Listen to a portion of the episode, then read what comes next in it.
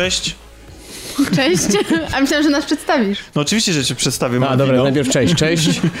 Tak, więc y, cześć mówi Malwina Cześć. i cześć mówi Milo Cześć. i cześć mówię ja, Tomek. Witamy w 46. odcinku Kolaudacji Show, podcaście kulturalnym inicjatywy Wszystko Gra. We trójkę na razie jesteśmy, później jeszcze do nas Kasia dołączy, może. Zaczynamy tak spokojnie w ogóle i grzecznie chyba trochę jak na nas, a to dlatego, że wybieramy się do instytucji trochę poważniejszej niż kino czy księgarnia. Klub szachowy? Gorzej. Idziemy na balet. Ojej. Tak! Mi się przypomniało, że ja, zaczynamy? że ja Tak. muszę robić rzeczy, przepraszam. No wiesz, no. Nie lubisz baletu? Nie, znaczy nie, no nie powiem, że nie lubię, ale no nie byłem tyle lat, że aż wstyd się przyznać chyba i jakby to jest bardziej tutaj Ja, os- moim niż nielubienie, bo... ja ostatni raz byłem na Don w Narodowym. To było chyba 3 lata temu. Widziałeś go może, Malwina? Nie, nie widziałam Don Quixota. A jesteś fanką baletu? Nie możesz E, powiedzieć inaczej. szczerze, y, różnie. Bardzo różnie. Ostatnio byłam na... Jak idzie na balety, to To- jest. no. Nie, ostatnio Tygmo. byłam e, na Romeo i Julii, ale właśnie ja lubię współczesne balety, bo one mi się o wiele bardziej podobają niż takie bardzo klasyczne. Ja strasznie lubię filmy o balecie. To jest taka, to, ja, nie wiem dlaczego, ale z jakiegoś powodu kupiło mnie... Ku... Eteryczność tych dziewcząt i, i Nie, siła cię... wiesz co, to się czy- zaczęło od Kieślowskiego, bo on zrobił jakiś taki dokument, bardzo króciutki, siedem kobiet w, w różnym wieku. I to jest dokument właśnie o, o baletnicach, balerinach, em, które... No kiedyś widziałam, tak, tam to od, od dziewczynki po, po, po najstarszą jakoś tam panią, która, która się zajmuje baletem. I to mnie chyba jakoś... Tam wtedy się zaczęło, a potem trafiłem na film Altmana The Company. Nie wiem, czy mieliście okazję Nie. go oglądać. I ten film mnie absolutnie y, kupił totalnie. To znaczy ten światek w ogóle baletu jako, jako sztuki, która jest ekstremalnie wymagająca. Dyscypliny, poświęcenia, która w tych wszystkich miękkich y, ruchach, y, że te wszystkie miękkie ruchy i ta cała taka lekkość wydaje się taka em, płynność jest, jest okupiona tytaniczną pracą wcześniej, takim, takim trzymaniem dyscypliny bardzo w, swo- w swoim życiu i poświęceniem do tych ludzi i to mi się strasznie podobało mi tego i w ogóle film, to jest w ogóle, ja, ja, ja mogę się teraz pomylić, ale wydaje mi się, że to jest ostatni film w ogóle Altmana, albo jeden z ostatnich, albo przedostatni. Ja nie widziałam, ale wydawało mi się, że ty powiesz o Czarnym Łabędziu z Natalii no, i to, Portman. no i tak, i to jest kolejny, e, kolejny film na liście, który mi się podobał i który, który też mnie jakoś tam baletem zafascynował, czy to pogłębił tą fascynację. E, no dobrze, ale to my tu pitu pitu, a Malwina chciała nam opowiedzieć o... To na, Znaczy, czym, tak to, to, to na czym byłaś, Malwina, w takim razie, To zna- ostatnio? mm, Tak naprawdę ym, Czarny Łabędź jest bardzo bliski jednemu ym, z baletów, na którym byłam. Em, a zaraz powiem dlaczego. Byłam na baletach polskich. E, to się tak nazywa No to dokładnie. brzmi jak trochę... Ja te, te, też, też byłem. Znaczy wiem, że to brzmi jak jakaś impreza techno, ale... To albo disco polo bardziej e, no, obecnie. może tak. No, Manieczki style. Nie, manieczki to też chyba też taka bardziej doświadczenie pokoleniowe naszego pokolenia, nie? Nie, nie wiem, czy powinniśmy tutaj, żeby zaraz nas nie zjedli. Dlaczego? Nie no, kolaudacja szeroko patrzy na kulturę, nie? Jak się, No. ale jak się zaczną płyty... No ale wiesz, manieczki, płyt- techno, disco, polo, tutaj Chciałem powiedzieć, że to jest mieliśmy- cienka czerwona Że linia. mieliśmy deszcz na betonie deszcz, gdzie w najnowszej odsłonie mi się wydaje, że jest bardzo blisko.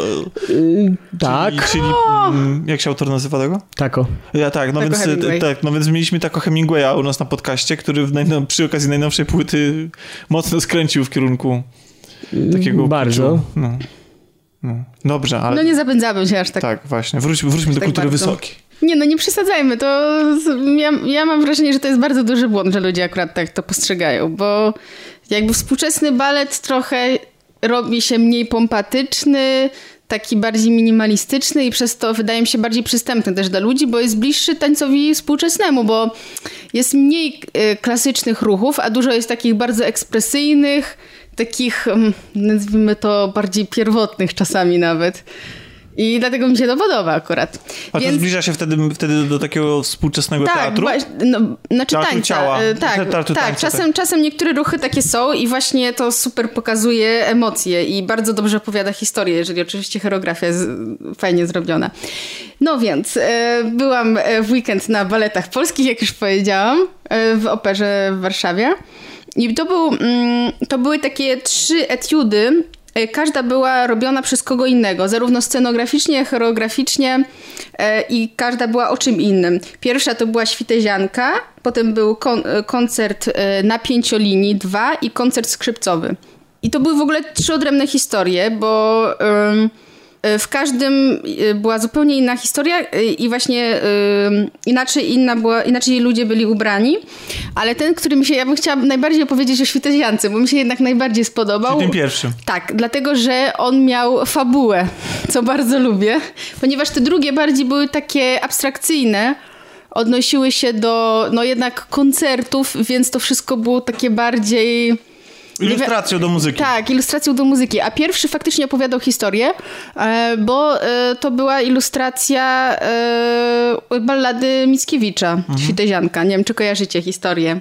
W każdym razie w skrócie Świtezianka zakochuje się w młodym strzelcu i on... Ronaldo.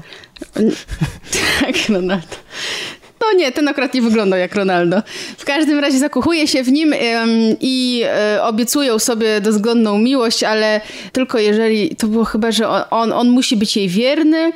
Mm, no co ty? E, tak. E, to na tym polega? Jednak okazuje się, jednak ona potem udaje, udaje, żeby go sprawdzić czy tak naprawdę on jest jej wierny. Podszywa się pod inną tak, kobietę? Tak, coś takiego. Że ja mówię, jak to jest zinterpretowane teraz ja w tym balecie. obraził, jakby mnie nie rozpoznał, niż, niż Nie, to był, to był taki diku z jej strony, wiesz. Z jednej um, strony tutaj musisz być mi wierny, bo jeśli złamiesz przysięgę, to twoja dusza zostanie stracona, tak, było, ale, ale było... mogę zostać nimfą i cię sprawdzić, Ale to było tam piękne, to było takie kobiece właśnie. Takie, że... No, Okej. Okay. No to jak się sprawdzę, zobaczymy. Nie, bo właśnie, no było fajnie zrobione, bo y, dziewczyna, która y, jest prima balleriną y, taką y, w, te, w, teatrze, to jest Yuka Ebi, Ebihara. O, znam ją, robiłem z nią sesję zdjęciową. Oj, tak? ona jest tak. cudowna, o Boże. Hey. Nagą zresztą. Tak? Tak. A, co? A można okay. gdzieś obejrzeć? Nie, y, można obejrzeć nawet making of z tego na One Minute. A, y, zapraszam Razem oczywiście. z Link Dominiką znajdziecie... Cudą, która robi Sports Kalendar. Po prostu miałem o, możliwość... Też kojarzę ten Miałem kalendarz. możliwość przy kilku jej sesjach y, no, pracy po prostu z kamerą i właśnie była też y, z Yuki. To link do One Minute i do... Wrzucimy nawet do tego filmu. No tak, tak, tak to wrzucimy oczywiście do opisu Jasne. odcinka. Tak, więc y, y, Yuka faktycznie naprawdę jest niesamowita. Jak, gdy się pojawia na scenie, to, to wszyscy jakby, mimo że jest mnóstwo innych ludzi, wszyscy patrzą na nią, ona po prostu w taki sposób ekspresyjny tańczy, że jakby te jej ruchy wydają się takie najbardziej zwracające uwagę i najprawdziwsze. Ciężko powiedzieć, jak ona to robi, ale po prostu e, no, pięknie tańczy i też ma piękne ciało, e, czego nie da się nie zauważyć. I, e, Prawda? Tak. I, bo, to, bo to jest w ogóle, to jest właśnie, zapytałeś mnie Milo, co, co mnie pociąga w balecie. Wydaje mi się właśnie, że ta, ta piękność ciała i to zarówno jakby tej żeńskiej, jak i męskiej części obsady. No wiesz, no okupione, tak jak powiedziałeś, tytaniczną pracą. Tak, ale patrzenie na to, jak, jak te, te mięśnie się ruszają, to jest naprawdę coś niesamowitego. Tak, i tak też trzeba projektować kostiumy, e, żeby dobrze było widać każdy ruch i każdy mięsień, co było akurat właśnie świteziance dobrze zrobione.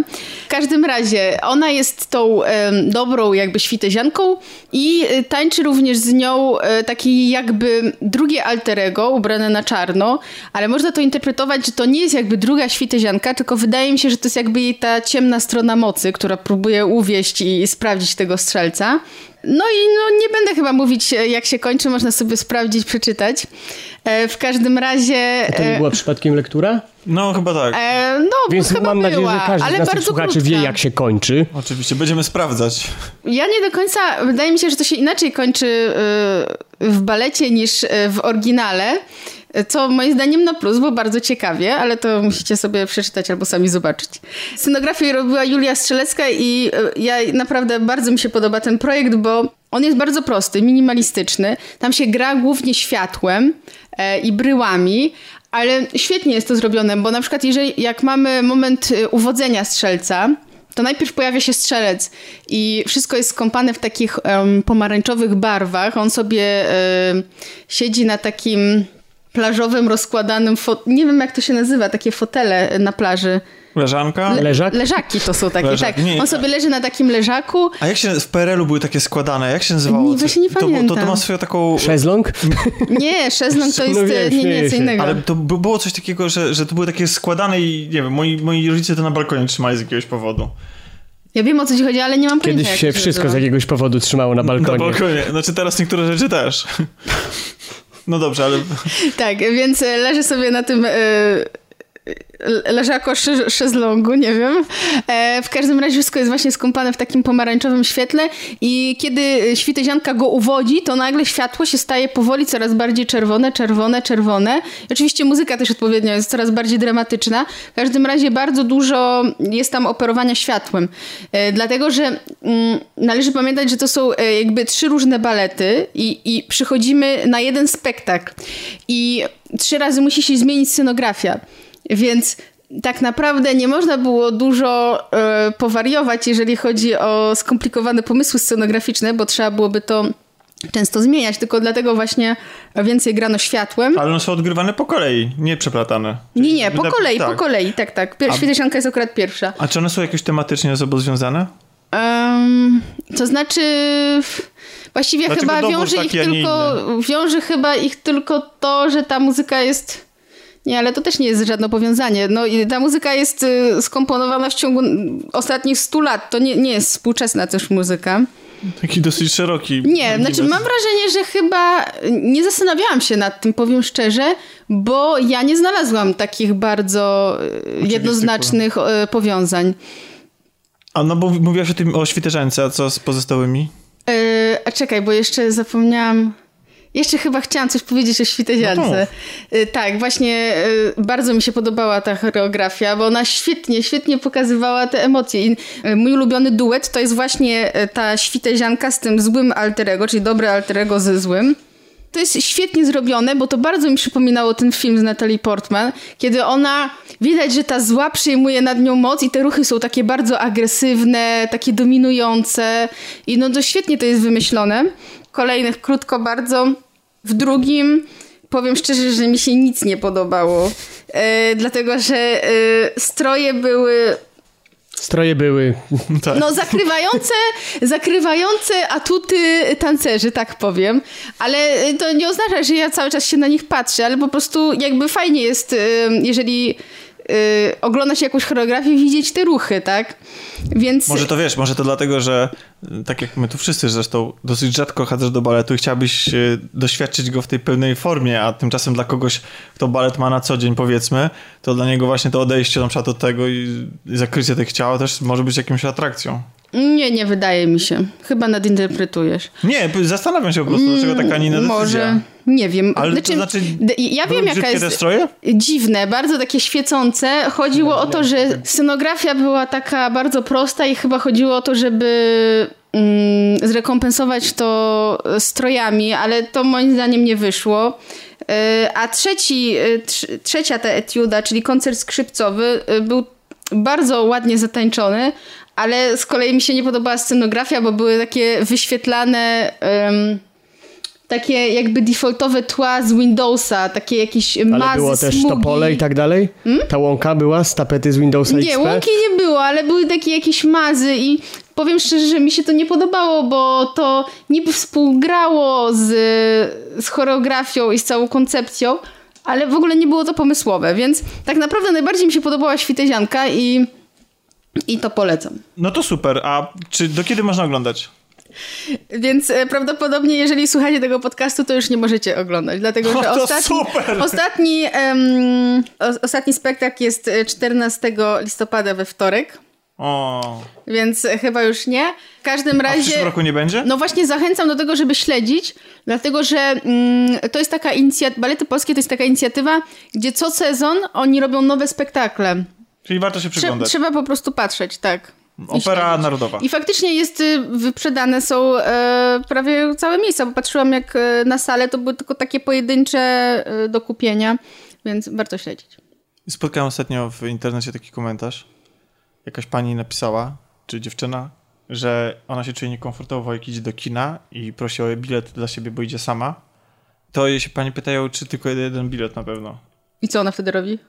No mówi, że jeden, ale jest jej przykro z tego powodu. Wiesz, że jakby, że ktoś zakłada, że musisz uczestniczyć w parze i że jakby jesteś, no po cudzysłowie powiedzmy, ale że ona jest, się czuje piętnowana z tego powodu, że to jest single. Smutne, to albo smutne. nawet nie wiem, czy to, to ma fachową nazwę, na przykład chodzenie samemu do restauracji czy do kina. Nazywa się to masturdating. Naprawdę? Tak. Wow. No, ale to jest chwila, no to że jak cokolwiek robię samemu, to jest masturdating? No nie, no taka jest nazwa robocza tego i całkiem się z nią zgadzam, bo ja na przykład y, uważam, że chodzenie samemu do restauracji, czy do kina, czy do teatru, czy gdziekolwiek jest absolutnie super i każdy powinien to chociaż kilka razy w życiu zrobić.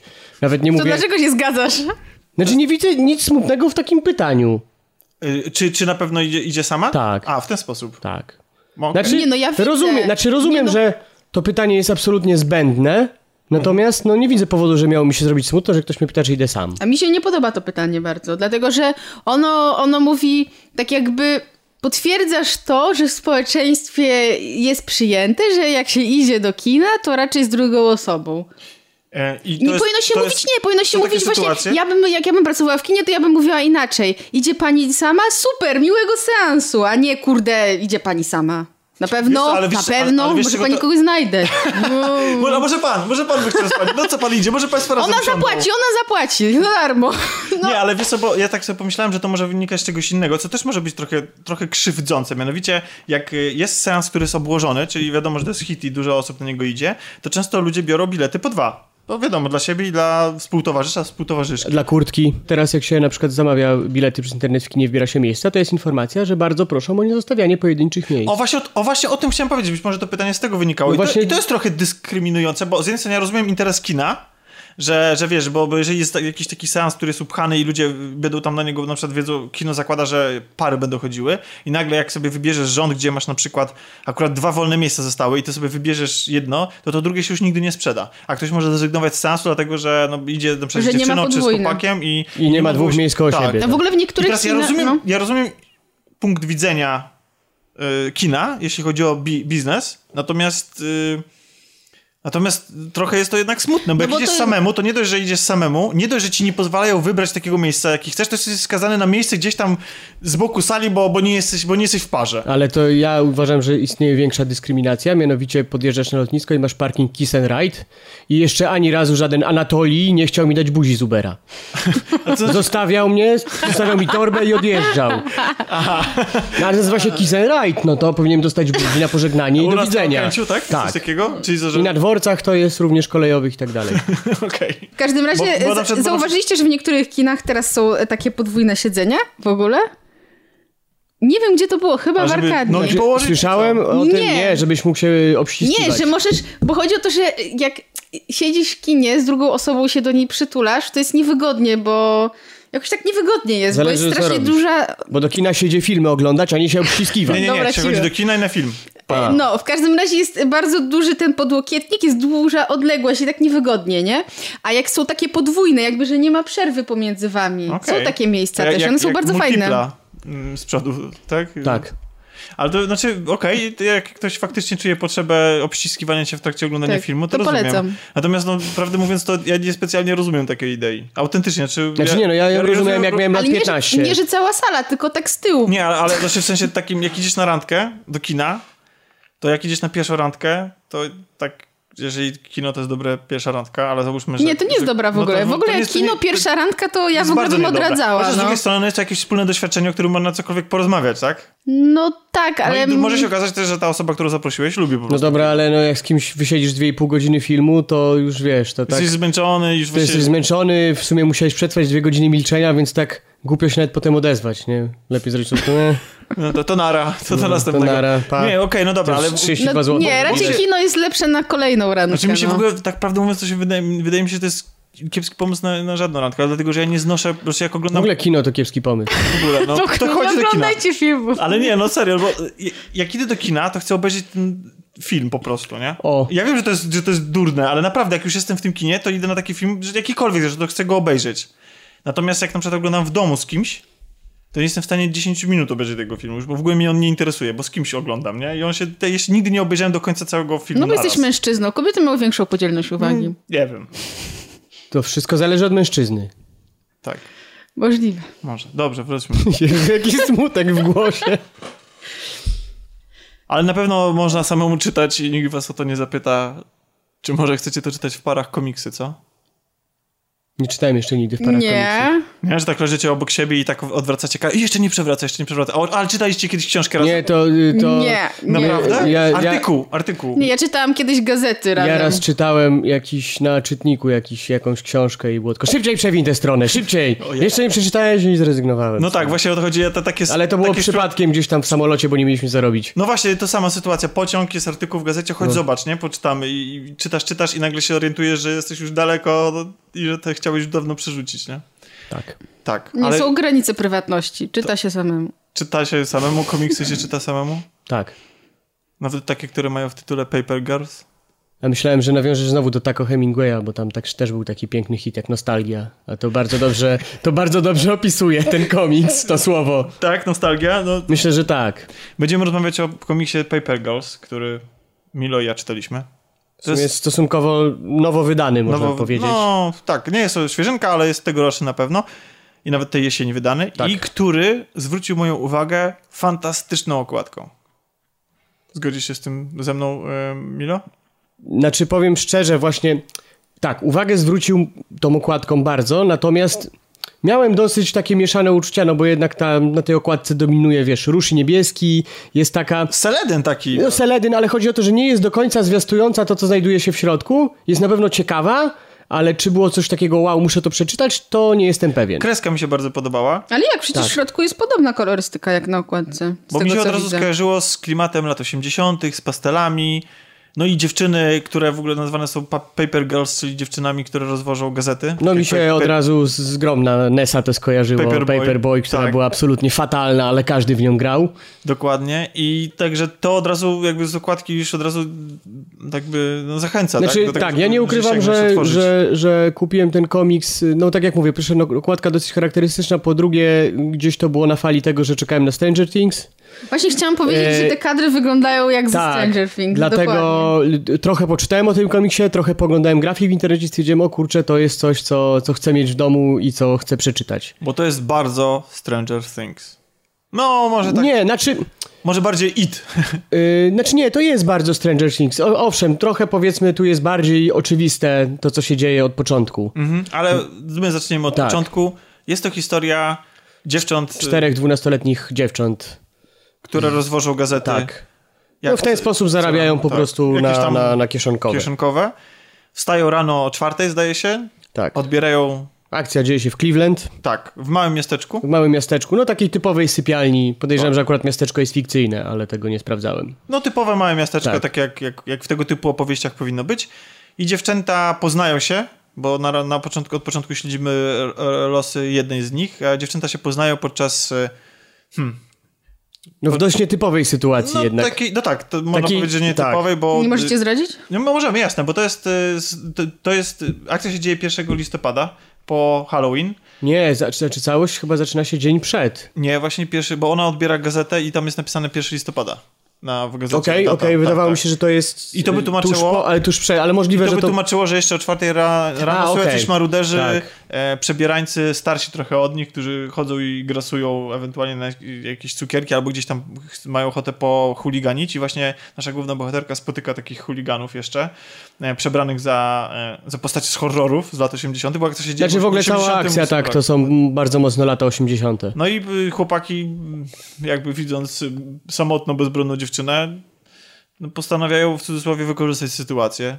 I na pewno chcą ją trochę y, jej dokuczyć. Znaczy tam, bardziej ale- chyba podokuczać, Tak, natomiast rzeczywiście to dokuczanie w pewnym Bardzo momencie... groźnie to zabrzmiało. No bo tam padają takie hasła, prawdę mówiąc, zahaczające o jakoś być może sugestie próby gwałtu. Natomiast jakby wciąż trochę mówimy o dzieciakach Tak. i rzeczywiście, gdyby nie te teksty, to całość jest taka na zasadzie podokuczać Taki trochę. bully, prawda? No, taki, typowy łobuz, bu- taki łobuzy, łobuz. łobuzy, którzy chcą się poznęcać trochę nad młodszą dziewczyną. No i tutaj zdradzimy, że z tej opresji wybawiają ją No, kole... trzy, trzy- koleżanki, trzy tak. koleżanki, z którymi się wcześniej nie znała, ale które się trudnią Które- tą samą profesją. Dokładnie. I tak zaczyna się ich wspólna przygoda, a to dopiero początek, bo Trzecia strona. trzecia strona, bo dziewczyny spotykają dziwnych osobników Nie pasujących absolutnie do, do tego do, miasteczka, do, do, miasteczka, do tak? czasów tak naprawdę. którzy, może... krad, którzy kradną im krótkofalówki, dzięki którym one się porozumiewają i tropiąc tych swoich ludzi krótkofalówek. No chyba jedną krótkofalówkę Tak, tak. ukradli i one chciały ją odnaleźć, dlatego zaczęły tropić tych y, dziwnych osobników. Tak, i idąc ich tropem trafiają do nowo powstałego domu, gdzie odnajdują dziwną maszynę. I w kontakcie z tą maszyną, po kontakcie ich z tą maszyną rozpoczyna się seria nieprawdopodobnych wydarzeń godnych Stranger Things, a nawet, y, Nawet żo- myślę, że prze, przerastających. przerastających. Bo jest to Powiedzmy, że opowieść... finał Stranger Things to tu jest dopiero początek, Początek tej y, historii. tej historii, nie? O, aż tak. W sensie, aż tak jest skala tych wydarzeń i tych dziwnych rzeczy, dlatego to jest takie pod, podkręcone do, do, do 10, Do 12 czy nawet do 12 Stranger Things, no. Właśnie, nasze, nasze bohaterki od razu pakują się w e, kłopoty, powiedzmy. Zresztą w ogóle całe miasteczko od razu pakuje się w Tak. kłopoty i natychmiast się pojawiają rozmaite różne frakcje w tym miasteczku, rozmaite stwory i którzy robią różne dziwne rzeczy. Jedni drugich zabijają, jedni na drugich polują.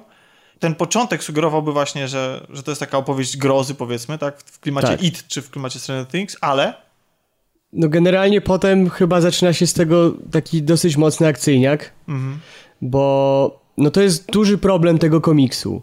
W tym komiksie, powie, no powiedzmy, że tak pierwszy, jedna czwarta, czy tam jed, je- pierwsza jedna trzecia tego komiksu jest rzeczywiście takim trochę powieścią grozy, trochę tajemnicy, bardzo dużo grającej na nostalgii, tak, takich lat 80., no naprawdę ogląda się te grafiki świetne, bo one przy bliższym poznaniu są cudowne. jest tam dużo nawiązań do popkultury. Oj, mnóstwo, dlatego to... Ale nie, ale nie europejskiej, nie polskiej. Nie, nie zostało to przetłumaczone. Tam- Nie, nie, nie. Te nawiązania absolutnie są, są, Bardzo są amerykańskie. amerykańskie, ale no, znamy je z telewizji, znamy je z seriali. Jakby czujemy się tam absolutnie jak w domu, w cudzysłowie, tak? Natomiast rzeczywiście trochę, no powiedzmy w dwóch, dwóch, po tej jednej trzeciej zaczyna się po prostu niestety chaos i to jest tego rodzaju chaos, że dzieje się tam bardzo dużo, ale właściwie też nie dzieje się nic. I to jest moim zdaniem problem tego komiksu. Po prostu ilość wydarzeń jest tak duża, a akcja jest jakby nie porusza się do przodu. Komiks nagle się kończy I jesteśmy z niczym. i jesteśmy z niczym. Rozumiem, że to mógł być zabieg taki, że przeczytajcie kolejną część i oczywiście trochę im się to udało, natomiast to nawet nie jest dobry cliffhanger, bo tam już Tak. od, od połowy ten komiks to się tak leci, dobra, ten tu tego, tu, tu, tu Tak, ten tego zabił. ten ten- tego zabił, ten to, a kto to jest to, aha, ten tu przyszedł, aha, dobra, tu... Ci mówią, tu, że ci mają rację, y, ci tu, mówią, tu, że ci to mają coś tam, rację, coś tam, tak, tamten tak. ma rację, ten tą chce pobić, ten tu krótkofalówka, mm, koniec. I Dokładnie. po prostu jest natłok wydarzeń, I najgorsze jest to, że, y, bo to jest, to właściwie można traktować się jako jeden wielki prolog, to nawet nie jest pierwszy rozdział, nic Tak. takiego. tylko jakby jest- po tym prologu dali fajny rozdział wprowadzenia jeszcze, Mhm. albo jakieś takie wydarzenie fabularne, które powiedział, kurde, co się wydarzy, Mhm. to bym dużo bardziej czekał na kolejne zeszyty. Na razie mam tak, że no, kupię je, ale no niestety fabularnie, mimo że cała historia zaczyna się ciekawie, to ciężko mi powiedzieć fabularnie, jak to się rozwinie, bo na, no niestety z powieści, tak jak powiedziałeś, grozy, z takiej tajemnicy, no robi się niestety taki akcyjniak i to nie jest zbyt wysokich lotów.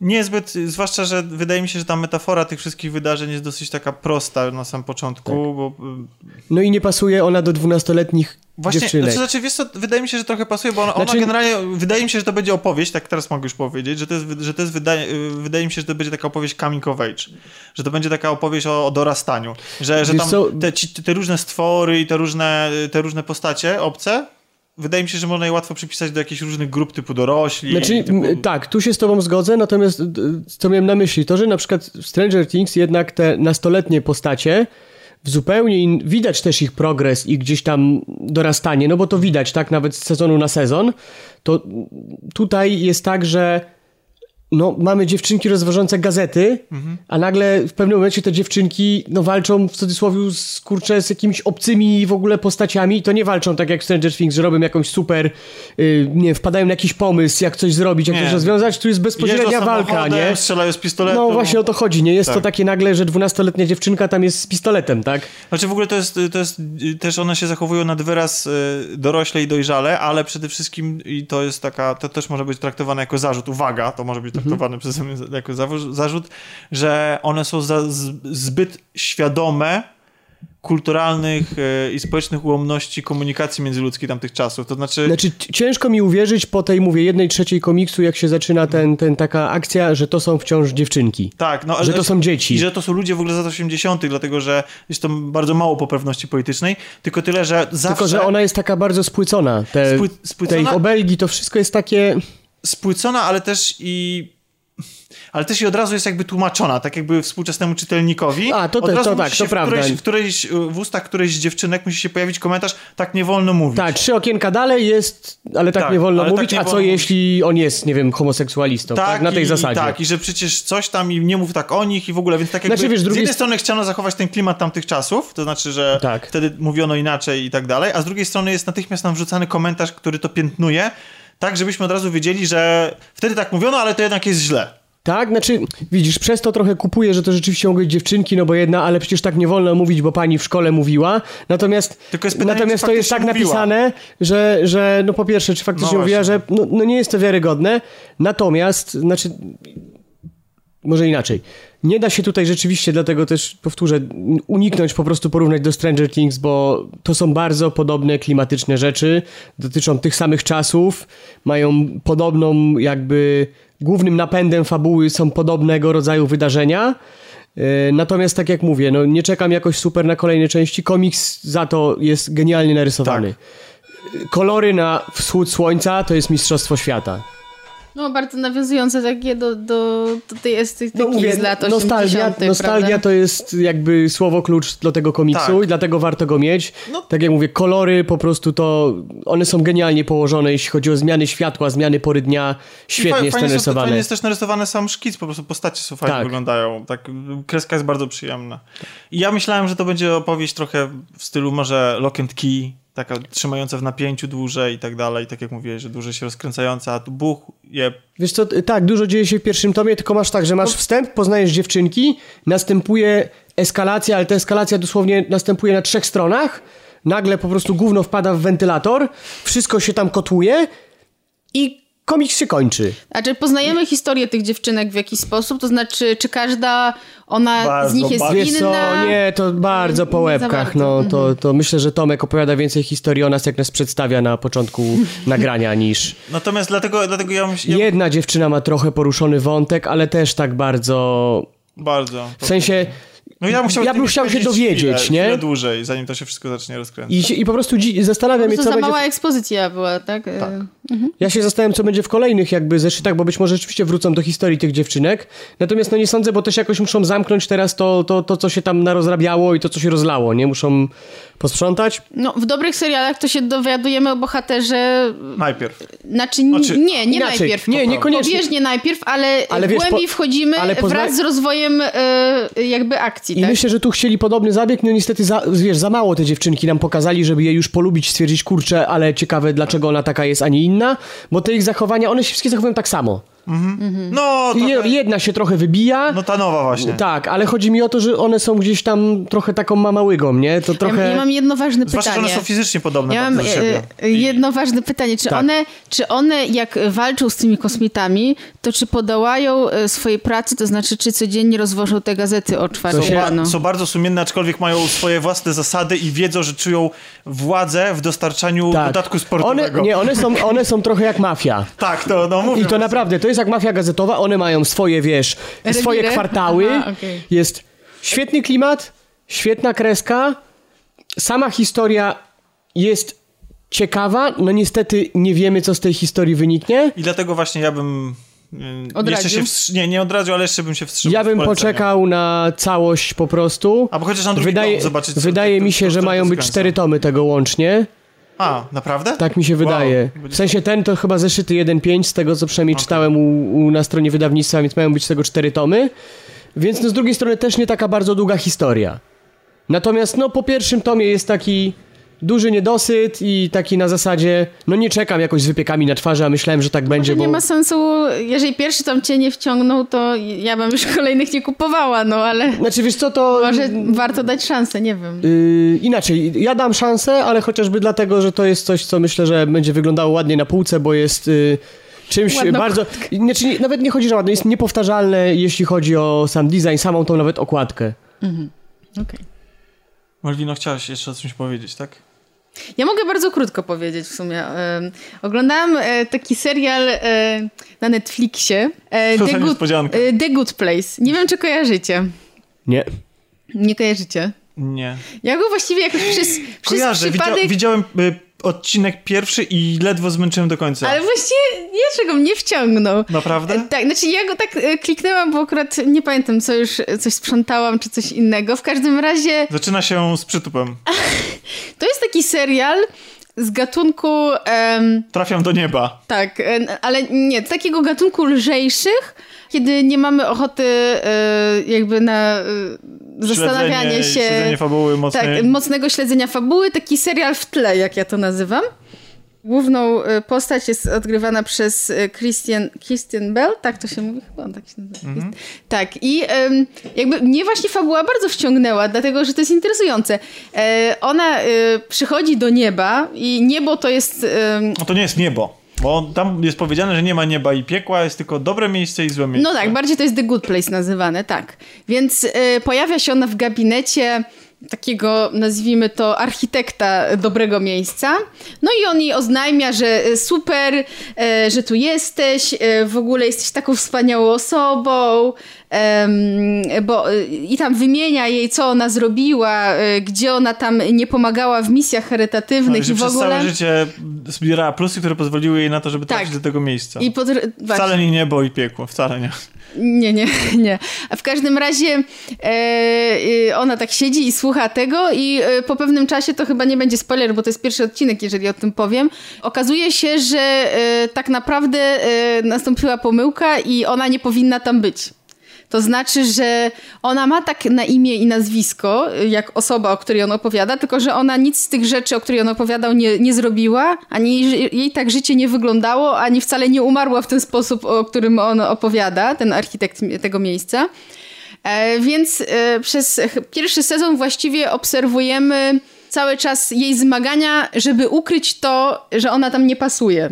Bo to jest takie miejsce idealne Coś takiego, tak, idealne, takie idealne amerykańskie przedmieścia, e, gdzie e, każdy ma swój dom dopasowany idealnie do siebie, co nie oznacza oczywiście, że każdy ma e, taką piękną willę jak Hugh Hefner, tylko każdy ma dopasowany dom do siebie. Każdy, czyli ona ma taki malutki, dosyć brzydki i też jest zaskoczona, że e, ojej, e, to... Ale w środku wcale malutko, malutki no nie. No nie, w środku nie, ale ja na bym, zewnątrz... Ja bym pozazdrościł. Jest, powiem szczerze, o dziwo, zabawny ten serial. Naprawdę mnie rozbawił.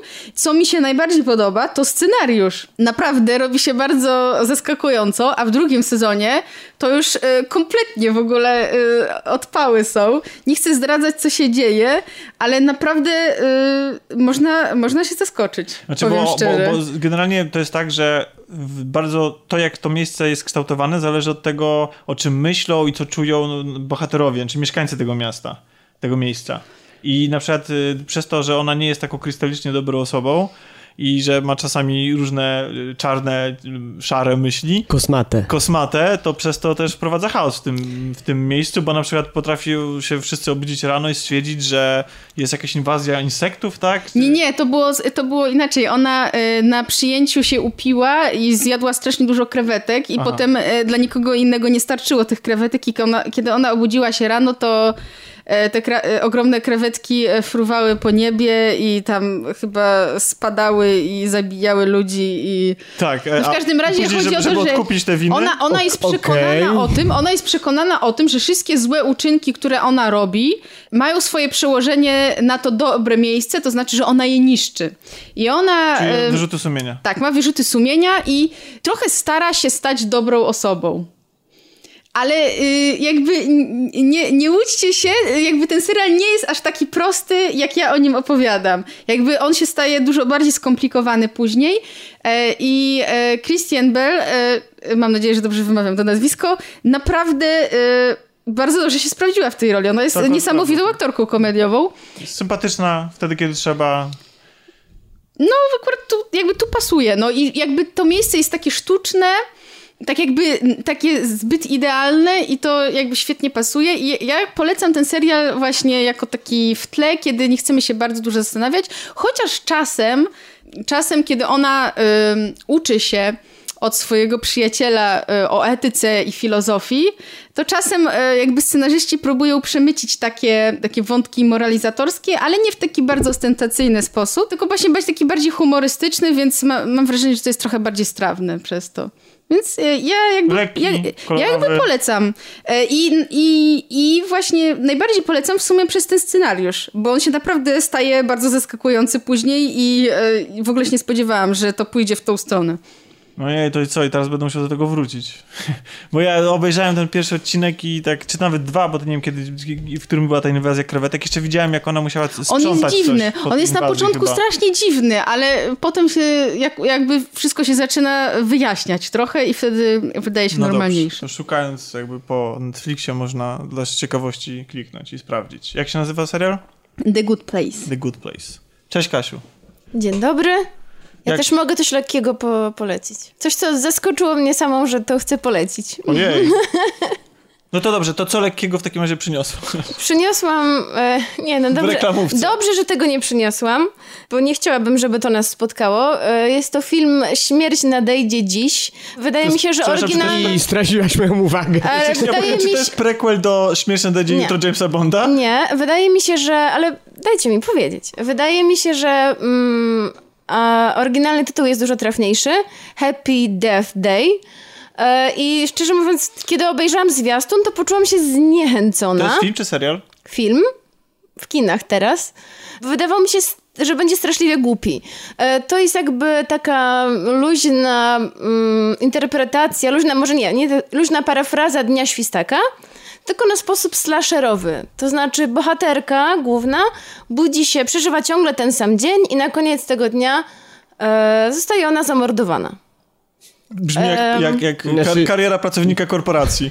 E, Na koniec każdego dnia jest zamordowana. No i e, kiedy, No uś, brzmi kiedy, jak uś, kariera pracownika kiedy korporacji. uświadamia... Nie, to budzisz się martwy wtedy już w środku. Właściwie to cały czas nie żyjesz. Kiedy to uś... jest taki znany motyw e, jakby już z filmów, prawda? To znaczy, no, No był Dzień Świstaka, Dzień który był Świstaka absolutnie kojarzę, genialny. który zresztą jest tutaj wspomniany w tym filmie na końcu. Ale... Edge of mm, Tomorrow. Na przykład. Z Tomem Cruise'em. Tak, tak, tak, widziałem ten film. Tak? Ale Dzień Świstaka był dużo lepszy. A, e, Star Trek. Jeden z odcinków mi się przypomniało. Był taki. E, no dobra, ale chciałam jeszcze, jeszcze powiedzieć parę zdań o tym. To znaczy... Mm, nie nastawiajcie się na coś mądrego. Jest to czysta rozrywka, ale myślałam, że będę mm, zniesmaczona i że zażenowana poziomem tego filmu, a okazało się, że to jest całkiem przyzwoita, sprawnie zrealizowana rozrywka. Oczywiście nie ma co analizować scenariusza, bo Ale to jest horror, lepiej tak? tego nie robić. To znaczy, właśnie myślałam, że będzie to horror, ale tak naprawdę nie ma tam dużo horrorowych elementów. Slasher, ale bardziej komediowy, No wydaje ale, mi ale się. jeżeli jest wprowadzona ta, ten zabieg, że ciągle bohaterka przeżywa to samo, to po coś on jest? Jak, żeby Tak, po coś był, on czy... jest. Tak, ona próbuje się domyślić, dlaczego ciągle to przeżywa i próbuje oczywiście temu zaradzić. Więc I najpierw znaleźć winnego. do pewnego momentu prowadzi to do czegoś takiego, że ona właśnie próbuje znaleźć winnego, kto ją zabija. I wydaje jej się, że jak, jak się dowie tego i jak rozpracuje w ogóle całą sytuację, to ten krąg się zamknie. Mm, szczerze mówiąc, film mnie zaskoczył, mm, bo jest e, jak to w horrorach kilka takich momentów, że wydaje się, że już wszystko jest dobrze i już wszystko wiadomo, a wcale okazuje się, że nie. Czyli powracający główny zły. Bardzo. mm, No nie wiem, to, czy to będzie spoiler, czy nie, ale e, wydaje. W pewnym momencie ona podąża ścieżką bohatera Dnia Świstaka, czyli próbuje się zmienić i być dobra. I wydaje się, że to pomoże. A czy pomoże, to się dowiecie sami. No nie wiem, bardzo dobrze się bawiłam, śmiałam się i. E, Jak ten slasher, nie nie bałam wiem, się bardzo. Znaczy, Czy no, to jest dobra rekomendacja? E, Znaczy, słuchajcie, no czy boicie się na slasherach? No raczej to są takie filmy Tak. lekko komediowe, no krew sika, ręce latają, No, wiesz kończyny, a ty bardziej- się śmiejesz. To znaczy, no. jeżeli na przykład lubię bohaterów albo jestem wkręcony w zagadkę, Mhm. to, to tak, no to, to się przyjmuje ich losem. Na przykład nie pamiętam, żebym się śmiał. Na jednym krzyku na pewno zasnąłem, na krzyku 3, to zasnąłem w kinie, autentycznie. Znaczy, natomiast, co? natomiast na... Rozumiem cię. Ja e, myślałam, że powinniśmy w horrorach kibicować bohaterom. E, I pytałam się znajomych, który, którzy gustują w takich filmach. Nigdy tego nie rozumiałem. Którzy gustują w slasherach i mówię, słuchajcie, no to ta ekspozycja była taka kiepska, te bohaterki to są idiotki z dużymi cyckami, jak ja mogę się z nimi identyfikować? No po prostu w ogóle nie mogę, jak mam im kibicować? Każdej jednej żal. No, No tak więc samo ten typ, właśnie- ten typ z piły był zajebisty przecież. No więc właśnie okazało się, moi koledzy znawcy horrorów powiedzieli, że tutaj się nie kibicuje ofiarom, tylko zwykle lubi się tego mordercę, na przykład Frediego albo Jasona i wcale się nie kibicuje ofiarom. Chwała Imperium. Dokładnie. E, Więc do, i, i ogólnie to jest po to, żeby się bawić i się śmiać i, i, i cieszyć się, jak bardzo krwawo są zabite te ofiary, a szczególnie te głupie blondynki. Cudownie. Więc to wcale nie o to chodzi. Ale właśnie, co mnie zaskoczyło, to nie jest horror, bo tam nie ma dużo bardzo krwawych e, momentów. Te jej śmierci wcale nie są pokazane bardzo obrazowo. Bardziej, e, bardziej tutaj chodzi po pierwsze o morał, a po drugie też e, śledzenie takie troszeczkę takie kryminalne, no bo zastanawiamy się, kto ją ciągle zabija. Ona próbuje dojść do tego, komu zależy na jej śmierci, próbuje prowadzić jakieś dochodzenie. Mm, i w pewnym momencie dostrzega też, że te wszystkie śmierci są nie bez wpływu na jej organizm. Ona się czuje coraz słabsza, coraz e, okazuje się, że te wszystkie rany odniesione przez nią mają na nią wpływ i ma coraz mniej czasu. Zegar tyka. No Zupełnie i, jak praca w korpo. Dokładnie. e, i, i, Może to jest, jedna- może to jest i- jedna i wielka szczerze metafora mówiąc, właśnie. Szczerze mówiąc, wkręciłam się w to, to chociaż trzeba oczywiście... Ten film to jest film pełen schematów. E, je- Główna bohaterka jest studentką, mieszka ona na kampusie i wszystko jest tak jak w każdym amerykańskim filmie o kampusie studenckim, czyli są te takie, jak to się nazywa, stowarzyszenia, bractwa, tak? Alfa, beta. E, tak, dokładnie i wszystko, wszyscy bohaterowie są ta, tak schematyczni jak w Ale tych, piją, e, e, Właśnie piją przez- z przez żółtkę. Plastikowych kubek, Jest, nie, jest z ten plastikowych wieczny student i kubeczków czerwone kubki. Tak, tak. No Tak. to wszystko, się- wszystko się Ale zgadza. naprawdę nie spodziewałam się, że film będzie tak przyjemny i tak dobrą rozrywką, z czystym sumieniem, mega spoko 6 na 10. Naprawdę. Myślę, że można iść do kina i się dobrze bawić. Uśmiałam się i wyszłam z kina zadowolona. Milo, to, bo ty lecisz, tak? Niestety muszę opuścić To was. pożegnaj się ładnie ze słuchaczami. Dobranoc. No, ładniej. No to... Do widzenia może. Do widzenia. Do usłyszenia. Do usłyszenia? O, dobre, dobre. dobre. Niezłe, to No, było niezłe. Ćwiczyłem trochę. No, dobra, muszę zapisać. Też Dobra. chyba tak będziemy się żegnać. Pa! Pa. I tak się zastanawiam. Milu mówił dobranoc. To byłoby dobre, do, dobre przejście do e, filmu, o którym powiemy parę słów dosłownie. Ach, śpi, kochanie, polskiej produkcji. I oglądaliśmy go dość dawno. Bardzo dawno i jest taki pułkownik nasz trochę leżał ten temat. Tak, i, i z jakiegoś powodu odwlekaliśmy. No nie trudno się domyślić, co o nim o nim. sądzimy, skoro odwlekaliśmy. Malwina, Znaczy, ja, czy ty trosz, ja słyszałaś troszkę bym obronić chciała go. Odrobinkę. Czy ty, czy ty słyszałeś o tym filmie? Tak, słyszałam głównie z waszych narzekań. My Ale narzekania widziałeś w trailer? E, Z Hyrą, taki Z na przykład, który ma A, taką, tak, tak, tak. mówi do kamery, Widziałam- opowiada. Widziałam e, zwiastun i jakoś mnie w ogóle nie zainteresował. Bardziej wydał mi się taki, bardziej pokazem aktorów niż zwiastunem filmu. Nie wiem jak to powiedzieć, po prostu, mm, że były pokazane no, znani aktorzy I że oni potrafią grać w i że oni po prostu są i na przeproszeniem gęby pokazane, ale to jakby sam zwiastun, nie, nie, jakby historia mnie nie zainteresowała do obejrzenia. A widzisz, a dla mnie y, zwiastun wydał mi się intrygujący. Czy- bohater, czy nasz jest, bohater nasz jest podejrzewany o popełnienie morderstwa. morderstwa, a właściwie to nawet pewnie kilku, ale jednocześnie z dużą łatwością udaje mu się unikać kary i właściwie wszystkie śledztwa przeciwko niemu są umarzane, pomijane, uciszane i tak dalej. Znaczy jest on bardzo postacią bardzo charyzmatyczną e, i podejrzewamy jako widzowie, że jeszcze pewnie coś się za tym dodatkowo kryje. Tak. Szczególnie, że to są lata, e, wydaje mi się, koniec lat 50., schyłek stalinowski Polski i zwykle em, władza w tamtych czasach raczej miała dużą kontrolę nad, nie raczej, miała bardzo dużą kontrolę nad obywatelami i jeśli tylko coś było popełniane nie tak, no to od razu e, brano się za tę osobę, prawda? A on jakimś sposobem się wyślizguje za każdym razem. Czyli, że ma jakieś plecy. Tak. Prawdopodobnie tak. się domyślamy. Od razu, zwłaszcza, że to, że fakt, to, że jest mordercą, to wiemy od samego początku, bo Mhm. właściwie pierwsza scena już nam o tym mówi. Jest to człowiek, który zabija ludzi i teraz y, możemy wam nawet powiedzieć dlaczego, ponieważ film jest tak skonstruowany, że przez połowę można być trochę skonfundowanym i właściwie trochę zdezorientowanym, po co on to robi, czemu to robi. Po prostu to jest od razu taki zarzut, moim zdaniem on jest po prostu bardzo źle zmontowany i uważam też, że źle napisany, jeśli faktycznie był taki scenariusz, bo można się w tym pogubić. On po prostu zabija tych ludzi ze względu na y, korzyści majątkowe. Po prostu w jakiś sposób y, y, albo na przykład y, ich szantażuje i zabija, albo na przykład y, pożycza od nich pieniądze i zamiast zwracać to ich zabija. I jakby każdego jest w stanie nawet, swoich nawet swoje sąsiadki zabić. No i mamy jeszcze drugiego główne, głównego bohatera, Policjanta. milicjanta. Milicjanta. Milicjanta, ale to jest milicjant, on nie pracuje w Urzędzie Bezpieczeństwa. Nie, na razie jest zwykłym milicjantem, tak? Ale jest milicjantem dochodzeniowym, czyli to nie jest taki, który chodzi po ulicy i pilnuje porządku. Znaczy nie jest prewencją. No właśnie. Tak, tylko jest, nie, tylko jest, jest, jest detektywem, detektywem, powiedzmy. tak. Tak. I on jako jedyny sprawiedliwy, bo oczywiście młody i ten jeszcze nie uwikłany w żadne układy, pozornie. A e, oczywiście pełno e, w milicji jest różnych już agentów UB, którzy próbują go przeciągnąć na tę stronę. Tak, żeby wstąpił wyżej, powiedzmy, do innego resortu, tak? No ale on właśnie chce dowieść e, tego, że ktoś jest umoczony i kryje te wszystkie sprawy e, chyry.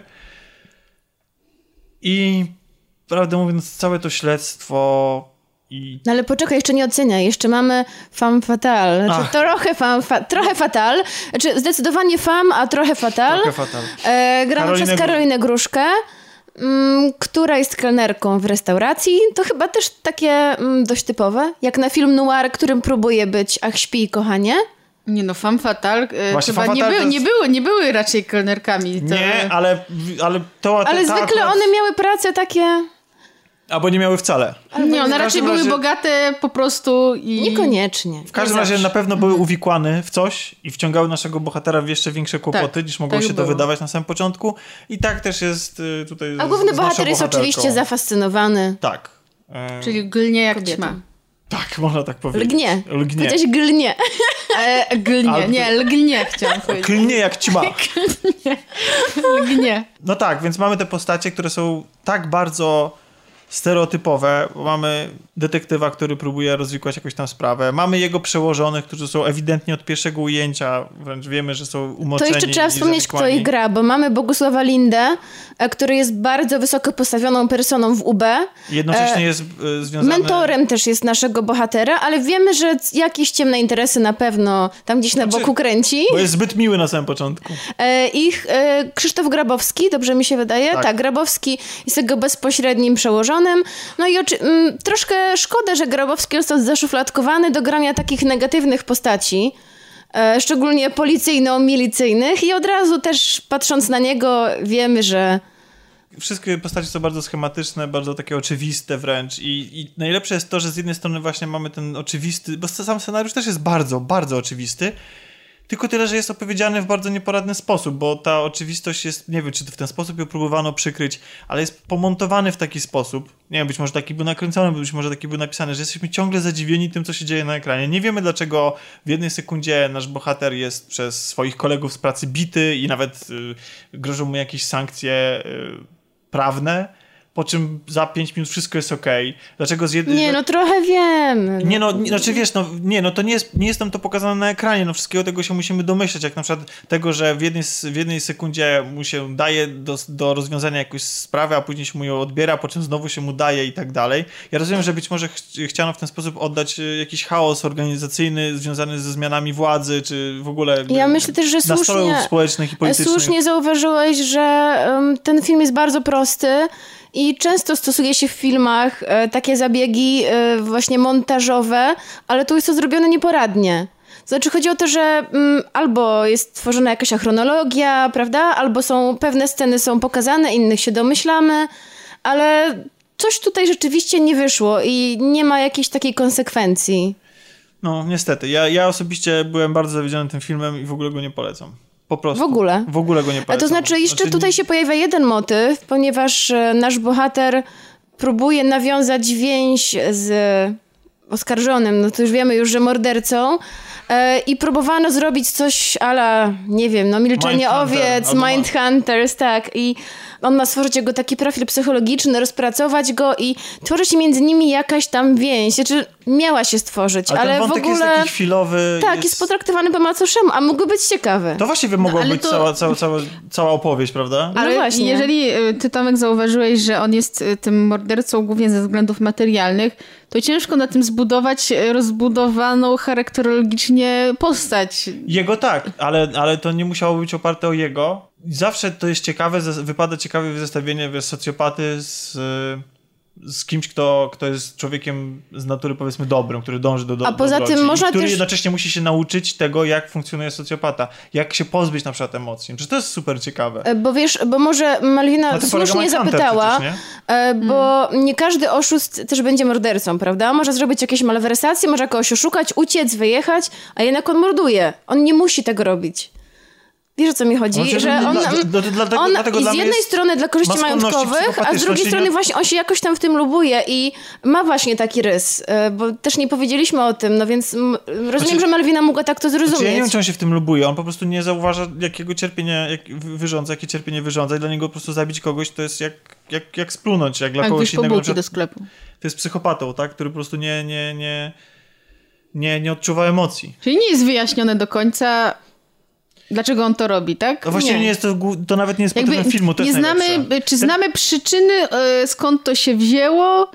E, Nie. nie. Ale, wiesz ale to jest, Okej. to jest... Nie, no je, znamy, dlatego że tam jest oczywiście wielka tajemnica w przeszłości, która jest Aha. tak oczywista, że, że aż strach się bać. Natomiast no, ten film jest, tak naprawdę nie jest ani o tym socjopacie, ani nie jest o, o śledztwie, jest tak naprawdę Film o jest tym... o jedynym sprawiedliwym w milicji. No nie, nie, no chodzi o to, że on w swojej wymowie ma nam pokazać, jak, jak, jak blisko czasami system bywa.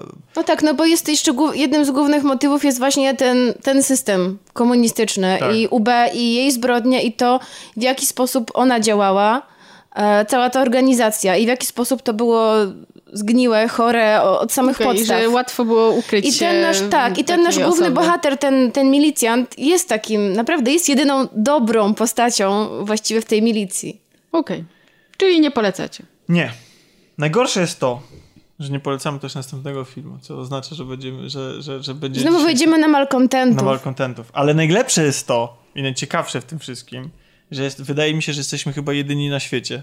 Bo Znaczy, się- ja jestem wielką fanką Aronowskiego i e, większość jego filmów bardzo mi się podoba i szłam na ten film z ogromnymi nadziejami. To też może dlatego tak się zawiodłam. Nie wiem jak ty, Tomek, czy miałeś jakieś nastawienie przed tym filmem? Aronowski jest dla mnie człowiekiem hit or miss.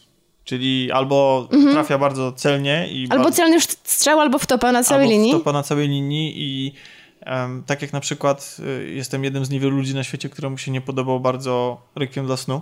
A widzisz, a mnie się podobał. też podobał Pod względem bardzo. formalnym uwielbiam ten film. I on, e, tak jak ty masz e, do Blade Runnera duży sentyment, ja mam do Requiem dla snu nie z powodu treści, która była rzeczywiście banalna, ale wtedy zainteresowałam się w ogóle formą i jak to jest. Zaczęłam w ogóle analizować filmy. Tak od tej strony, że tu jakiś montaż, że tu jakieś kolory, muzyka, rytm. Ja, ja też go widziałam, e, chyba ja byłam wtedy w gimnazjum w ogóle, jak widziałam ten film. Zrobi, pamiętam, że zrobił na mnie duże wrażenie, ale nie wiem, czy gdybym obejrzała go teraz, czy Już chyba byłoby by to samo. W każdym razie wtedy było to coś nowego.